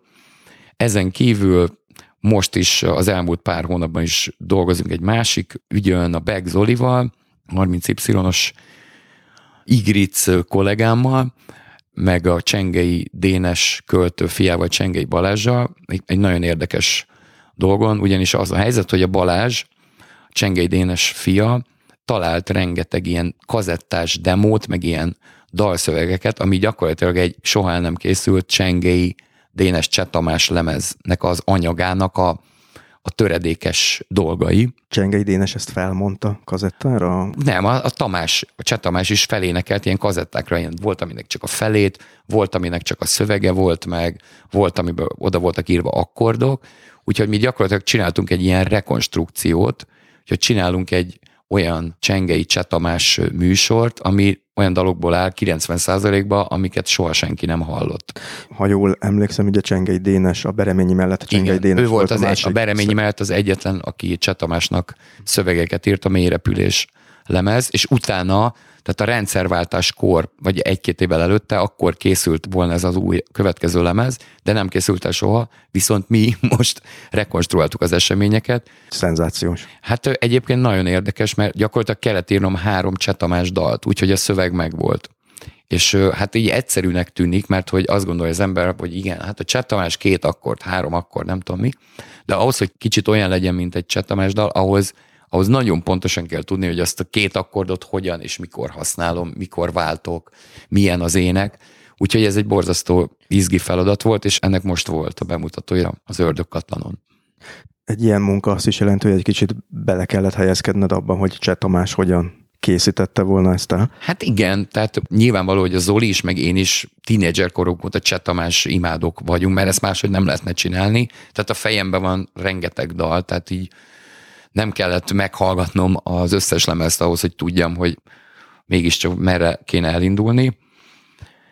Ez nem tisztán egy koncert, hanem ez is ilyen színházas, tehát a Bérces Laci rendezi, aki szintén ugye a Csetamás ezer éve, tehát ő írt, írt róla könyvet, vagy ilyen beszélgetős kötetet, meg, meg együtt dolgoztak nagyon sokat, tehát be lesz rendezve ilyen lakótelepi lakásnak a színpad, és akkor egy picit színészkedünk is kell, de szerintem nagyon, nagyon kicsit. úgyhogy, úgyhogy ez egy ilyen álcsatamás est. Még mielőtt itt tovább mennénk azzal, hogy a szóló karriered is ugye azért kapott egy lendületet a pandémia alatt. Derékbe is törte, mert igen. akkor kezdődött, ha jól olvastam. Igen, igen. Én egy kicsit visszamennék még a Heaven Street 7-re, mert ugye akkor most itt érintettük azt, hogy 2015-ben ez a zenekar mm. megszűnt. 95, azt hiszem 20 év után, ugye? Bizony. 20 év után. És hogy itt a kezdetektől indultunk, csak hogy villancsunk még föl egy, egy pár jó, dolgot jó. ebből hát azt tudunk. a zenekarból. Méghozzá Ugye említetted azt, hogy 2006-ban egy elég rangos nemzetközi díjat kaptatok, tehát végül is elkezdhetek magyarul énekelni, de azért mégis volt itt egy Igen. nemzetközi siker, és hát azt kell mondanom, hogy egy nagyon komoly rajongó táborotok lett, és a maga a zenekar pedig hát most nem akarok itt szembe dicsérni, de az biztos, hogy az elmúlt 20-30 év magyar zenei szénájának egy meghatározó bandája. És biztos, hogy aki nem is követett titeket, legalább pár olyan slágerbe belefutott, amit biztos, hogy ismer. És hát amikor téged kérdezni szoktak, akkor egészen biztosan előkerül két szám. Igen. Az egyikről volt már szó, ez a Dél-Amerika, amiről apukád nem hitte el, hogy te írtad. Így van. A másik pedig ez a Crazy srác, amiről annyit szeretnék én elmondani, hogy nagyon sokáig nem értettem, hogy mi ez. Tehát ez egy tipikus félrehallás, hogy ugye Life is Life levelet kaptam. Nekem ez a kézi srác. Ja, kézi? Ú, mondom, mi, nem, kézi lány. Ez egy jó a dal, de most ez mi? mi, mi de, de, és, Igen. és akkor az internet segített nyilván rendbe tenni ezt a dolgot, és nyilván utána olvastam egy kicsit ennek, és egy nagyon érdekes történetet találtam meg, hogy ezt tulajdonképpen te nem is akkor írtad, amikor, hanem nagyon sokkal korábban. Így van. Most ezzel elárulok egy műhelytitkot, hogy tehát még ez gyakorlatilag gimnáziumi évek alatt, vagy talán egy kicsit utána, 90-es évek legeslegelején, hát amint már jóval korábban mondtam, most így, a, ahogy beszélgetünk, ugye először Beatles számokat zongorán, utána elkezdem saját dalokat írni, és elkezdtem ilyen kazettákra fölvenni ilyen, ami éppen jött. Minden hülyeséget, amit ott a zongorán ott kitaláltam, azt így fölvettem. Aztán közben már volt olyan is, hogy előre meg is írta, és egy ilyen kazettán a, a Crazy Srácnak az eredeti zenéje, az egy ilyen kazettán volt, amit tíz évvel később körülbelül megtaláltam, és mondom, fű, ez egy jó szám. Pontosabban nem mondok teljesen igazat, mert a refrénje nem volt meg, tehát csak a, a verzé rész volt meg, tehát a refrént azt utólag raktam hozzá, és akkor, akkor mondom, jó, hát akkor már éppen a cukorlemezt fölvettük, már kész volt minden, az összes dal, már a keverés volt, és akkor így játszogattam, mondom, hogy figyelj, ezt még föl kéne rakni a lemezre, ezt a számot, aztán így gondolkodtam, és így elbizonytalanodtam, hogy ez annyira pop, annyira nyálas, geny, hogy ez gáz lenne. És akkor még az, azon is gondolkodtam, hogy eladom egy ilyen pop produkciónak, sőt, még szó is volt róla konkrétan, de aztán akkor megmutattam, a többiek mondták, hogy hát ez kurva jó szám, nehogy már odaadjuk a nem tudom kinek. Jó van. És akkor az volt, hogy írok rá egy szöveget. Na, ez a szituáció volt, hogy mégiscsak kéne egy szöveg, sajnos. Annyi volt, hogy volt nálam valami papír, és akkor leírtam, hogy körülbelül miről fog szólni a dal, hogy tíz éve történt, azt hiszem, nem történt semmi sem, de ezt így nem azzal a szándékkal írtam, hogy ez a szöveg, hanem hogy ilyen jegyzetszerűen, hogy, hogy ilyesmi témák lesznek benne, és akkor nézem, és mondom, de hát ez egy kész szöveg, és még rímeltek is, még kijöttek a szótagszámok is, csak az nem volt meg, hogy hol van az a krézi srác. Azt mondom, hát ez jó, két, kész van két verszak, viszlát, hol van az a krézi srác, kész.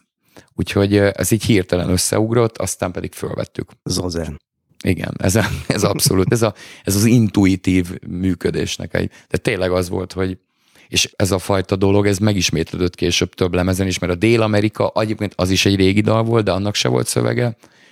Az is így volt a kisfilmek lemeznek az utolsó pillanataiban, meg aztán az utolsó lemezünknél meg a, a Nem elég című dal, ami kvázi az volt a sláger, az is ugyanígy történt, úgyhogy a Heaven Street 7 slágerek azok mind véletlenből születtek. Mármint az olyanok, amiket még a rádiók is játszottak.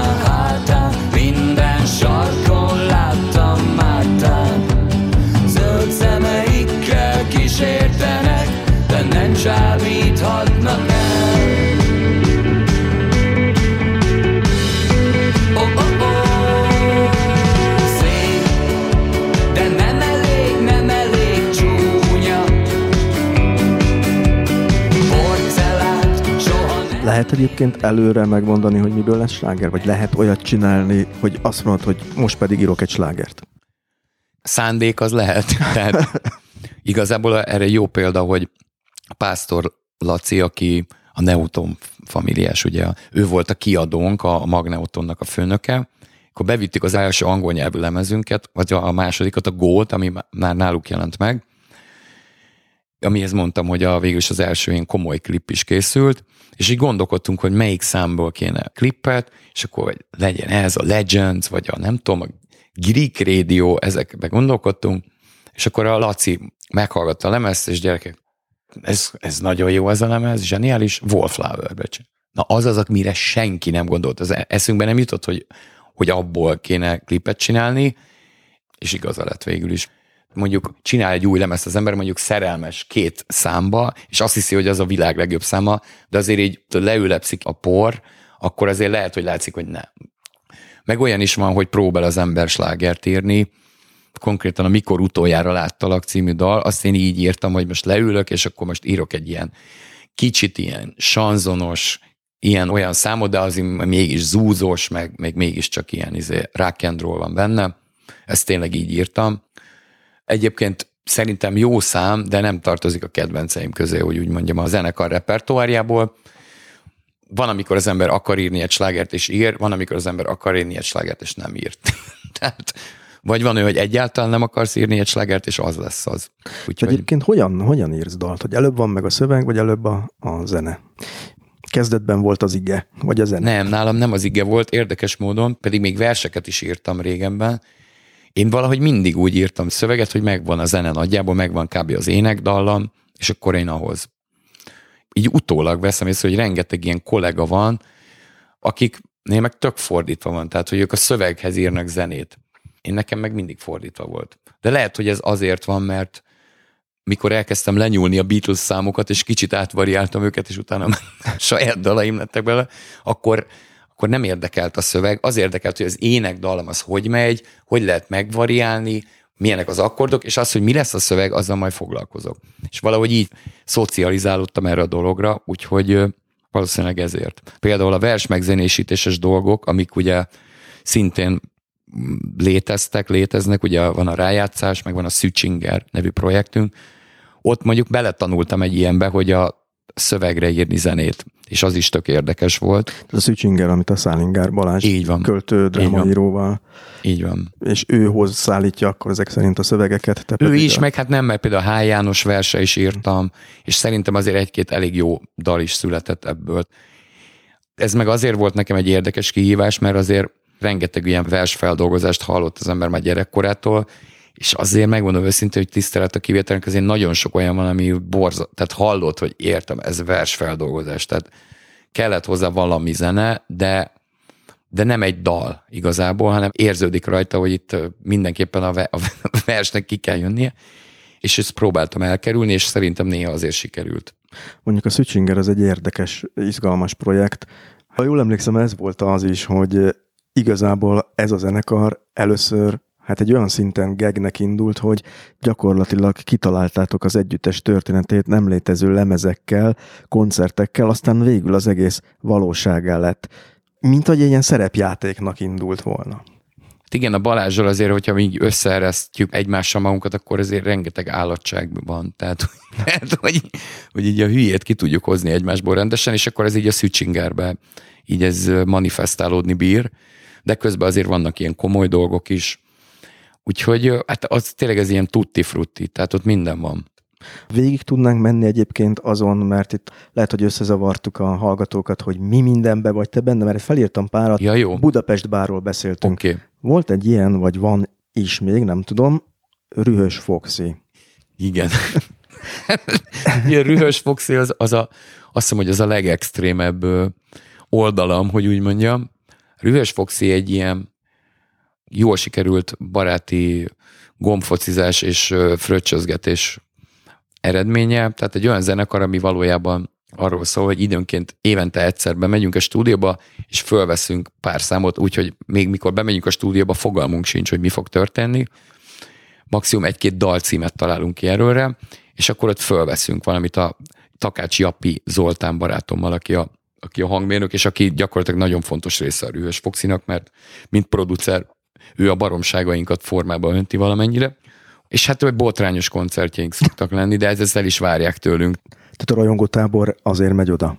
Persze, ez egy állatság De honnan jön, a, honnan jön a név? Azért, mert a Rühös Foxy, azt már elhatároztam vagy húsz évvel ezelőtt, hogy egyszer voltam Mátra Verebélyen a Mária kegyhelyen, ott kirándultunk, és láttam egy Foxit, tök aranyos kis Foxy kutya volt, és egyszer megfordult, és szegénynek a másik oldalra tiszta ilyen rühös, vagy nem tudom mi baja volt, és akkor így megfészkelt az agyam, hogy a rühös Foxy, és ez egy blues zenekar lesz egyszer majd.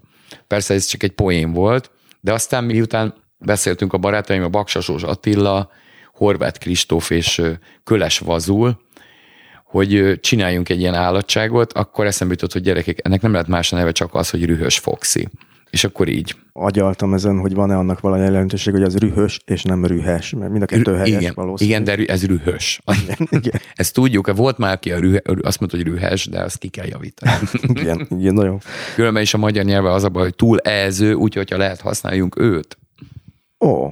Zsuzsa néni ezt mondta Áltiba a magyar tanárnő. És ettől a kényszerképzettől azóta nem tud szabadulni. Így van. Hogyan neveljünk bele a gyerekekbe életfolytig tartó nyelvi kényszereket? Igen. A Szűcsingerről beszéltünk már, de van egy olyan, hogy náza. Az miben más, mint a többi? Hát a náza, NASA, NASA, NASA az bocsánat.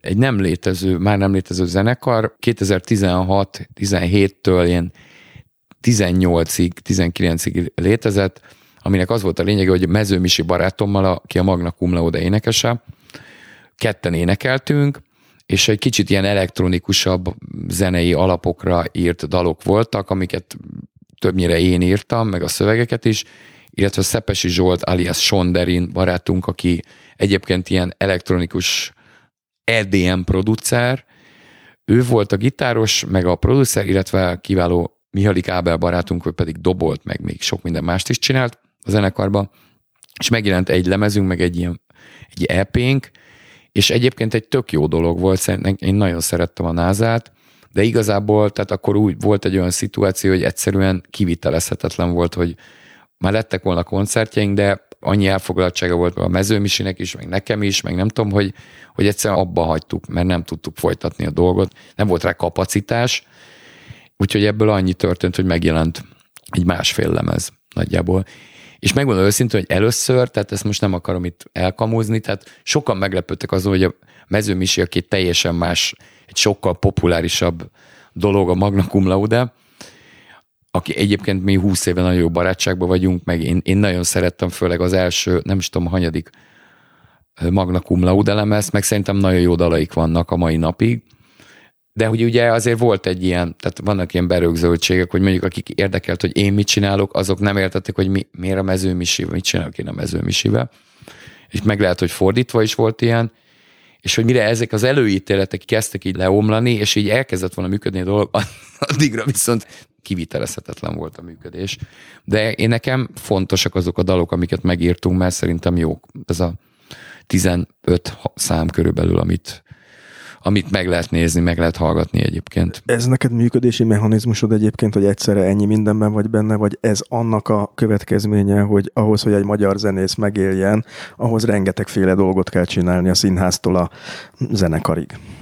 Hát a B az azért nem igaz, tehát ez igaz, ez a kijelentés szerintem, de hogy nálam ez soha nem volt tudatos, mert nekem ugye természetesen a Heaven Street 7 volt az anyahajó, valószínűleg x év múlva is sokan úgy fognak azonosítani, hogy az a Heaven Street 7-ös csávó, a, a crazy srác, vagy mit tudom én.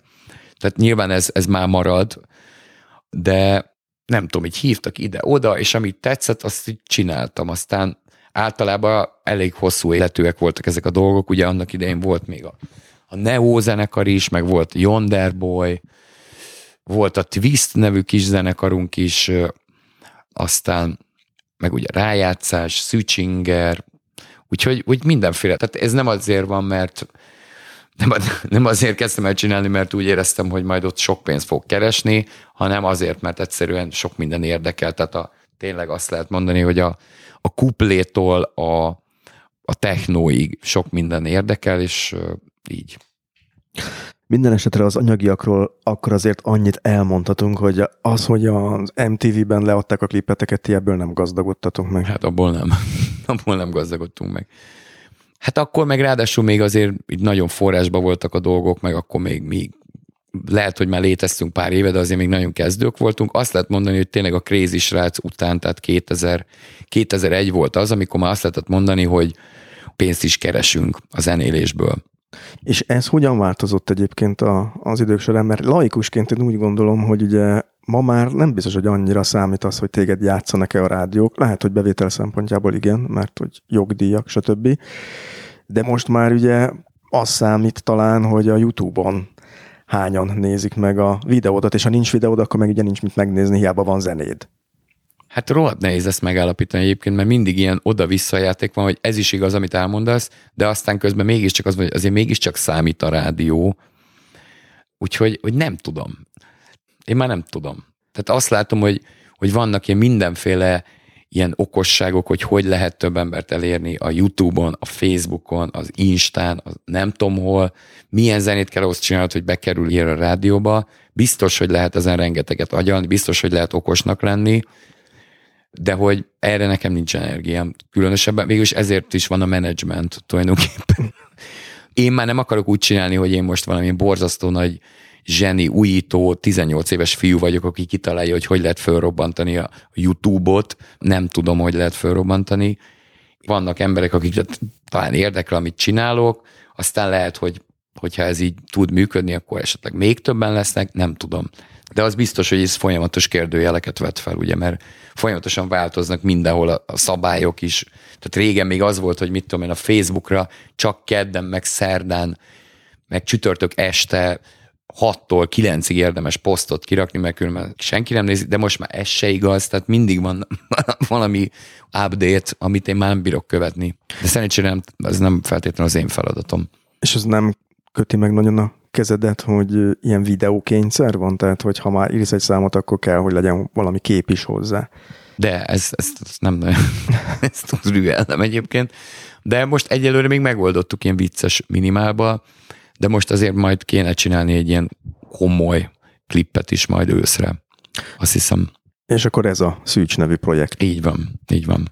Ez a névválasztás, ezt most kérde, kérdezhetném azt, hogy honnan jött, de hogy inkább úgy teszem fel a kérdést, hogy miért pont emellett kötöttél ki? Hát végül is eredetileg az lett volna, hogy Szűcs Krisztián. Csak az túl hosszú Figyelj, én már elég sok zenekarban voltam, egy párat fel is oszlattam közülük, és általában, most ez, ez lehet, hogy ilyen csúnyán hangzik, de többször volt az, hogy, hogy egy zenekar az volt, hogy én megírtam a dalokat, megírtam a szövegeket, nagyjából hangszerrel is kitaláltam, és elénekeltem a dalokat. És akkor előbb-utóbb, vagy húsz év után, vagy két év után mondjuk felosztott a zenekar, mondjuk például most a názára gondoltam, és hogy most úgy gondoltam, hogy én már nem, a, nem szeretnék több zenekart feloszlatni, vagy projektet, Úgyhogy... Ez olyan kicsit, mint a szakítás egyébként? Olyan is, igen. De hogyha nem megy, akkor szerintem felesleges erőltetni. Senki ne kapjon gyomorfekét. és úgy gondoltam, hogy végül is eddig is az volt, hogy a saját dalaimat elénekeltem, tehát a Budapest bárt kivéve gyakorlatilag nem volt olyan, hogy ne a saját dolgaimat kornyikáljam, úgyhogy ez most a szűcs. És ebben nem csak kizárólag az új dalaim lesznek, hanem úgy gondolom, hogy ez egy ilyen agregát projekt, vagy hogy mondjam, tehát hogy ebbe előfordulhat bármi, amit én írtam, és úgy érzem, hogy most jó lenne eljátszani. De ez jelent egyébként stílusbeli váltást, vagy valami olyat, ami cezúra ahhoz képest, ami volt? Én ezt már nem tudom megállapítani, de fogalmam sincs. Van pár dal, amit már lehetett hallani a neten, de most volt ez a Rám nézett Alányi című szám, amit még a Petőfi Rádióban is elkezdtek játszani, ami egyébként nagyon meglepett. Ez az első etap volt, ez gyakorlatilag még a pandémia előtt elkészült négy dal, illetve van még egy ötödik is, és most viszont egy másik metódussal csinálom a többi dalt. Fantasztikus Ligeti Gyuri barátommal, aki amellett, hogy zseniális gitáros, énekes, amellett egy elképesztően nagyon jó producer. Mind a ketten ugyanazt imádjuk zenében, illetve nagyon-nagyon sok átfedés van, úgyhogy elküldtem neki az otthoni kis béna demoimat, és azonnal megcsinálta azt belőlük hangszerelés szinten, amit én hallani szeretnék, de nem biztos, hogy el tudtam volna magyarázni. Illetve nem biztos, hogy akinek elmagyaráztam volna, az megcsinálta volna azt. Úgyhogy most én ebben nagyon, nagyon lelkes vagyok. És ha minden igaz, akkor ez az egész anyag, ami mondjuk 11-12 dal lesz, ez remélhetőleg mondjuk októberben meg fog jelenni, vagy publikus lesz. Jelentsen bármit, az már, hogy megjelenik, de megjelenik. Tényleg, ez mit jelent? Nem hogy tudom. Hol jelenik meg? Hát ez hát Spotify, YouTube? A Spotify, meg a YouTube-on, de hogy fáj, hogy ez nem jelenti azt, hogy itt van a kezembe egy egy lemez, CD, amiről mit tudom én. beszéltünk. Igen. De ennek ellenére te ezt albumszerűen rakod össze. Igen, igen. Az, hogy ez kit érdekel, az egy, akit nem érdekel, annak nem mindegy, hogy milyen a sorrend. Akit meg érdekel, az legalább meg tudja, hogy én ezt így gondoltam, hogy így érdemes végighallgatni. Én most egy kicsit Nick Hornbyhoz visszamennék. No. Ez a másik idézet, amit itt kiírtam. Tehát te a boldogságról mondtál örökérvényű gondolatokat az interjútban. Nick Hornby a szenvedésről ezt írja, hogy mi volt előbb a zene vagy a szenvedés? Azért hallgattam zenét, mert szenvedtem? Vagy azért szenvedtem, mert zenét hallgattam? Az a sok lemez ilyen búsnyavajgós faszit csinál az emberből? Kérdezi. És nekem ez egy nagyon érdekes kérdés, hogy, hát igen. hogy most nagyon messze fogok menni, mert kevesen szokták ezt rögzíteni, ugye amikor azt mondjuk, hogy virtuális valóság, akkor arra gondolunk, hogy 2010-től már eljutottad az otthoni számítógép, hogy mi is be tudunk lépni a virtuális valóságba, de 1979-ben történt egy olyan dolog, hogy Walkman. Ó, bizony. Ha már a kazettáknál tartunk, ugye ez egy kis kazettás lejátszó volt, megint csak a fiatalabbaknak jegyezzük meg, és onnantól kezdve valaki meg tehette azt, hogy fölvette a fejhallgatót, és egy filmben érezhette magát, a valósághoz Bizony. hozzájátszott egy zenét. Igen. És ugye itt az a kérdés ezzel kapcsolatban mondjuk egy zeneszerzőnél, hogy mennyire megy itt a fejedben film, amikor, amikor zenét hallgatsz, vagy amikor zenét szerzel, és hogy mennyire nehéz ezt visszakötni ahhoz, most zenről beszéltünk, ami mondjuk valódinak hmm. tekinthető. Mert ugye valaki megír, volt egyszer Aha. egy vadnyugat, most, most csak magyarázom hmm. a bizonyítványomat, mert próbálom körülírni, tehát autóban hallgatom a volt egyszer egy vadnyugatot, és úgy érzem magam, hogy na, szabadság, hős, hmm de a zene miatt. Az uh-huh. előtt ez nem volt, nem vihettem magammal mindenhová Igen. a zenét, és egy uh-huh. filmben érezhetem magam, hogy ez a filmszerűség mennyire sajátja a, a pop zenének, mennyire ad egy ilyen instant életérzést, és hogy mennyire zavaró ez mondjuk egy hozzád hasonló embernek, aki ebben él. Biztos, hogy van egy ilyen. Nekem a, ami a legdurvább cucc, hogy úgy mondjam, legdurvább zenedrog, az a mai napig akármilyen vicces, és a Pink Floydnak a Dark Side of the Moon. Olvastam ilyen csomó interjút a Roger waters is, meg a Gilmore-ral, meg a Rick wright meg nem tudom, az valamilyen olyan szinten kiáll a popzenéből is, és nem azért, mert ez volt a szándékuk, hanem ők se tudják, hogy az hogy történt. Tehát egyrészt, ahogy szól a mai napig, az valami embertelen, és valami olyan atmoszférát sugároz, ami engem iszonyatosan megnyugtat. Néha volt, hogy zenekarra mentünk, vagy a, éppen emlékszem, hogy a Japival ment, Japánnal a Heaven billentyűsével mentünk valahova, és beraktuk a Dark Side of the Moon, pedig mind a ketten 440 ezerszer végighallgattuk már elejétől vissza, hátulról előre, és egyszerűen, egyszerűen valami, na az az, amiről te beszélsz szerintem, hogy az a, az, az instant utaz, de az nem úgy utazás, hogy most én beleképzelem magam valamibe, hanem az maga, az maga a tiszta tudat, vagy a zen, vagy a nem tudom micsoda. Direkt vonal a jó Istenhez. De tényleg, az szó szerint. Tehát ezt én most vállalom, hogy ezért kiröhögnek, de ha, például az egy olyan. De talán az, amiről én beszélek, az inkább az, hogy a popzenehoz, és talán amiről ja, igen, én túl, a könyvet, én túl, túl, túl de izé nem, ez idealista nagyon, irányba vittem Ez nagyon fontos dolog, amit mondasz, de ez az a része, ami, ami talán nem teremt egy másfajta valóságot, hanem behozza a valóságot, igen, igen, igen, akár az extázist, akár a, igen. a, most nagy szavakat akarok használni, nem akarok használni, de hogy van egy olyan része, ami is azért is idézgettem itt Nick Hornbit, ah. hogy ő identitásokat teremt. És most, hogy csak hogy megvilágítsam jobban, túl sokat beszélek, de aztán leállok mindjárt. De nem, nem érdekes. Eszembe jutott, hogy a gyerekkoromban volt egy ilyen, amikor először hallottam az általad is említett sanzonokat, mhm. kuplékat, és azt tűnt fel, hogy mindig olyasmiről énekel a bácsi vagy a néni, aki nincs ott. Tehát, Aha. hogy ő hiányzik. Igen. Ö... Jó, ez gyakorlatilag az, az egész popzene az szövegírásra igaz, hogy ez össze is foglaltad nagyjából. De hogy érdekes, hogy ez egy gyereknek az első körben zen, ugye furcsa. Hogy, Igen. De hát kiről van szó? Aki nincs ott. Pár évvel ezelőtt láttam egy filmet, a kígyó ez volt a címe, uh-huh ami arról szólt, hogy egy etnográfus meglátogatja az amazonasi sámánt, és hurcolja magával a felesége fényképét, és mennek együtt a kenun, és akkor valahogy előkerül, nem biztos, hogy szó szerint írom le a jelenetet, a fénykép, és rácsodálkozik a sámán, és elkezd röhögni, mert látja, hogy az etnográfus bánkódik, és nagyon Aha. szomorú, hogy nincs ott a felesége, és valahogy egy ilyen, hogy mondják ezt, kultúrák előtti, vagy civilizáció előtti Aha. rácsodálkozás, ez tényleg, hogy de hát miért vagy szomorú amiatt, ami nincs itt? Igen. Tehát ez a, ez a nincs itt, és ez valahogy nekem a popzenében ilyen nagyon... Erről írtunk is egy dalt, írtam egy dalt a názával, volt az Az kell, ami nincs című. Megmondom őszintén, azt nem ismerem. Nem baj, majd hallgassd meg. Hát, Mindenképpen hallgatók is erre buzdítom. Igen. Jobb ébren fázni, mint álmodban, langyos, nyírkos, benéz szagú délutánon kanasztázni, a TSZ elnök Helyettes, helyettes, helyettessel Tegnap mindig lehetett volna. Holnap mindig tán lesz majd Így a mánap él. De annak mindig lába kér. Mindig az kell, ami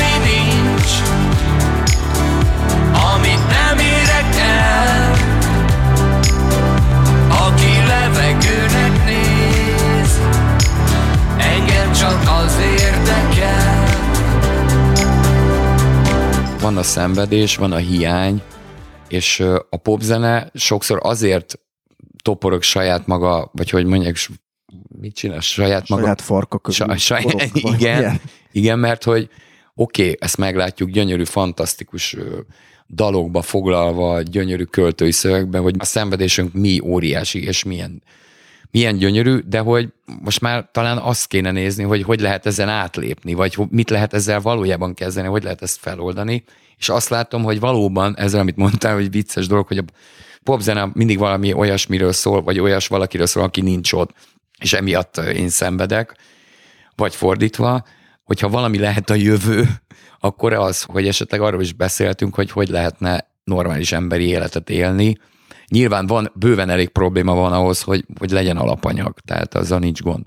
És valami ilyesmit próbálok egyébként ezzel a szűcs ügyjel is csinálni. Természetesen azért nem didaktikusan, mert nyilván attól még jónak kell lennie a dolognak, attól még, hogy jó ügyet szolgál, de szar, akkor nem jutottunk messzire mindig az kell, ami nincs, akkor erről viszont eszembe jut a Nem elég című szám. Amihez viszont egy nagyon profi videóklip is készült. Ja, igen, igen, ez vicces volt. És ezen a videóklippen nagyon alpárjan és röviden fogom összefoglalni, és lehet, hogy teljesen falsul, hogy ugye a... Nagyon kíváncsi vagyok, hogy te mit láttál abból. Megjelenik a sátán az erdőben, aki nem almával kísért meg, hanem gombával. Igen. Hazavized a gombát, és a barátoddal együtt begombáztak, és megvilágosodsz. Valami ilyesmi volt egyébként, azt hiszem, de nagyon nehéz volt narancsárgára festeni a gombákat. Az, az, az De az egy utómunka során nem, nem? az full true narancsárgára festettük.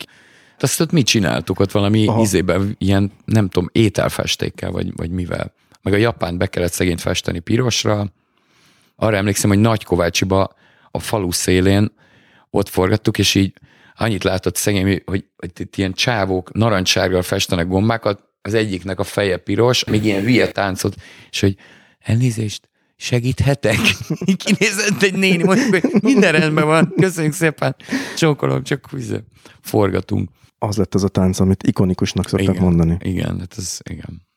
Na de, a, amit meg szerettem volna kérdezni ennek kapcsán, aztán megtagadhatod a választ, ha Na. akarod, mert itt a gombáról jutott eszembe, hogy ugye rock and roll, meg popzene mennyire része egy alkotói folyamatnak mondjuk az, hogy valaki pszichadelikus szerekkel él. Hát figyú, az biztos, hogy általában van köze hozzá, főleg a 60-as évek végén, meg azóta is. Nekem, most nem azért, mert hogy megmagyarázzam magamat, a bizonyítványomat, de nekem szerencsém volt olyan értelemben, hogy amikor mondjuk 20 éves koromban kipróbáltam egy pár dolgot, tehát rám olyan brutális hatással voltak ezek a történetek, hogy én rettegtem tőlük, úgyhogy én így szabadultam, én így nem lettem drogos. Nem mindenki volt ilyen szerencsés, hozzáteszem. Tehát vannak olyan zenei karrierek, amik gyakorlatilag arra épültek fel, hogy az a felfokozott hat, ami kétségtelenül egy darabig tényleg ilyen kreatív ö, energiákat szabadít fel, de aztán amit adott, azt nagyon csúnyán, nagyon hamar visszaveszi annak a tízszeresét. Nehéz kérdés, igen. Egyébként ehhez tudok kapcsolódni, mert én is így vagyok ezzel, bár én nem vagyok művész. De hogy nálam is úgy került el ez elő, hogy a kontrollvesztéstől való félelem sokkal erősebb volt, mint az a vágy, hogy... Egyébként hogy, nálam is volt ilyen is, igen. Igen. És ez nem tudom, hogy miből fakadhat. Ebből a szempontból nyilván szerencse, mert én is láttam egy pár kortársamat, aki ezen nagyon elcsúszott. Egyébként igazad van, mert hogy majd nekem ez nem jutott eszembe, de nálam is ez volt, emlékszem még, még nagyon régen. Van, aki ezt keresi, hogy ne legyen kontroll, én még, még pedig nem vagyok egy control freak, az, azzal sok minden lehet vádolni, de azzal nem. De hogy ebben az esetben tényleg az volt, hogy úgy legyenek a dolgok, ahogy vannak, aztán ne legyen az, hogy valaki más mondja meg, hogy mi a, mit látok én, vagy, vagy nem tudom. Igen. Szerencséd volt neked is. Lehet, hogy szerencse, igen, és mert ugyanakkor meg valószínűleg, ahogy hallgattalak, ez a dolog meg bekövetkezett másképpen. Az ember akár mondjuk a meditációban olyan dolgokat tud látni, amihez képest bármilyen drog az, az, az semmi. Az a dopamin, meg nem tudom micsoda, ami fel tud szabadulni az agyban, ahhoz nem kell feltétlenül bármihez nyúlni. Tök mindegy, hát nyilván tudjuk, hogy a hippi korszaktól kezdve, meg még korábban is ugye a drog, meg a rock and roll azért ott volt egy közös történet az egészben. Ilyen szempontból engem ez nem érintett, van, akit érintett, van, akiből tényleg kihozott egy darabig jó dolgokat, aztán nem, vagy belepusztult, vagy nem, vagy úgy maradt, mint a Sid Barrett, ugye a Pink Floydos srác, úgyhogy szerintem azért anélkül is lehet. Ahhoz, hogy ilyen, ilyen embertelen tempójú valami legyen, ahhoz lehet, hogy tényleg kell, de nekem mondjuk az nem hiányzik. De mondjuk az ilyen elektronikus zenék egyébként valahol szerintem erről szóltak, hogy azt, amit kicsit emberi tempóban mindenféle egyéb szerek nélkül így, így az ember bele tud tenni a zenébe, azt egy ilyen, em, egy ilyen embertelen sűrűségre és tempóra felpörgetni, és ahhoz lehet, hogy kell. Ez érdekes, mert egyébként különböző utak vannak, nyilván itt vannak olyanok, akik azt mondják, hogy ezek a tudatmódosítószerek és ősi technikák, nagyon megy mostanában ez az ayahuasca, Igen, igen. ugyanakkor nagyon sok helyről lehet visszahallani, hogy ez is mennyire divat lett, és mennyire Csak az a baj, hogy a, azok mondjuk a, a perui indiánok, akik az ayahuasca szertartást csinálták, Hát az, azok, jól, bocsánat. azoknak a, hogy mondjam, a, azoknak nem volt olyan sérült ö, személyisége, mint a, a civilizált embernek. Bennük annyi kárt nem biztos, hogy tudnak tenni ezek a dolgok, mint egy európai emberben, akinek a hasonlattal élve mondjuk ha a, a lelki világa az egy lakás, akkor ez tele van szeméttel, és lehet, hogy mondjuk egy ilyen természetközeli indián törzsbe a lakó emberek sokkal tisztábban tudtak működni, ezért nekik ez tök más jelentett, és másra használták. Azzal együtt, hogy biztos, hogy vannak ennek ilyen felébresztő vonzatai, de azért, azért biztos, hogy van kockázata is, én azt gondolom. Tehát ö, azt leszögezhetjük, hogy a meditáció viszont valószínűleg egy... Az, az egy biztonságos út, viszont dolgozni kell vele, az a rossz hír. De a jó hír, hogyha csinálja az ember, akkor előbb-utóbb szemmel látható eredményei lesznek. Te naponta meditálsz egyébként ez a? Hát most, most egy kicsit pont elhanyagoltam, de egyébként, hogyha van rá módom, alapesetben igen. Mit tudnál talácsolni azoknak, akik ezt most kezdenék, hogy mit csináljanak? Ne kedvetlenedjenek el, mert hogyha azt tapasztalják, hogy semmi nem történik, próbálják, próbálják, és semmi nem történik, annál inkább csinálják tovább. És előbb-utóbb történni fog valami, ami nagyon jó lesz. Ugyanakkor vannak borzalmas pillanatok, mert hogy ez egy, ez egy takarítás saját magadba. Néha nagyon jó, iszonyatos idilli, néha viszont iszonyú tudattartalmak jönnek fel, de hát ez is a cél, valahogy kitakaríts. Tehát amikor egy ilyen nem a te lakásodról beszélek, de képzeljünk egy lakást, ahol iszonyú mocsok van, minden vér a falon, sár, minden, amit akarsz. De egy szerda délutánon, úgyhogy senki nem jön hozzá, úgy, úgy le van ülepedve. Tehát ott úgy el lehet sétálgatni, ahhoz hozzá van szokva az ember, de hogyha ezt ki akarod tisztítani, akkor viszont ott iszonyú mocsok lesz. Ja, és a meditáció az ezt csinálja, hogy ezt az iszonyú mocskot egy vízsugárral így fellazítja, és azért ott olyan dolgokat él meg az ember, hogy az összes ilyen régi dolog, ami lerakódott, az így följön, és az néha borzasztó lelki, tehát kemény. kemény. Ne, neked mennyi idő telt el, ami után azt kezdted érezni, hogy ez működik? Ez egy olyan játék, hogy mindig vannak olyanok, hogy elkezded érezni, hogy működik, utána, utána nem érzel semmit, utána meg... Tehát, hogy ez egy olyan játék, amit elkezdesz játszani, nem kérdezed meg, hogy meddig tart, mondanak valamit, aztán kiderül, hogy ez örökké tart. Tehát, hogy ezt nem lehet abba hagyni, és nincs olyan, hogy megérkeztünk, illetve hát azt mondják, hogy a, aki már elég komoly szinten csinálja ezt, eljut ugyanoda, ahonnan elindult, és akkor arra jön rá, hogy az egyetlen egy dolog, aminek értelme van, az, hogy másokat segítsen ebben. És valószínűleg ez így is van. Hogy tudják járni a, az útjukat, és tudjanak egy kicsit felébredni, meg megszabadulni a saját hülyeségüktől.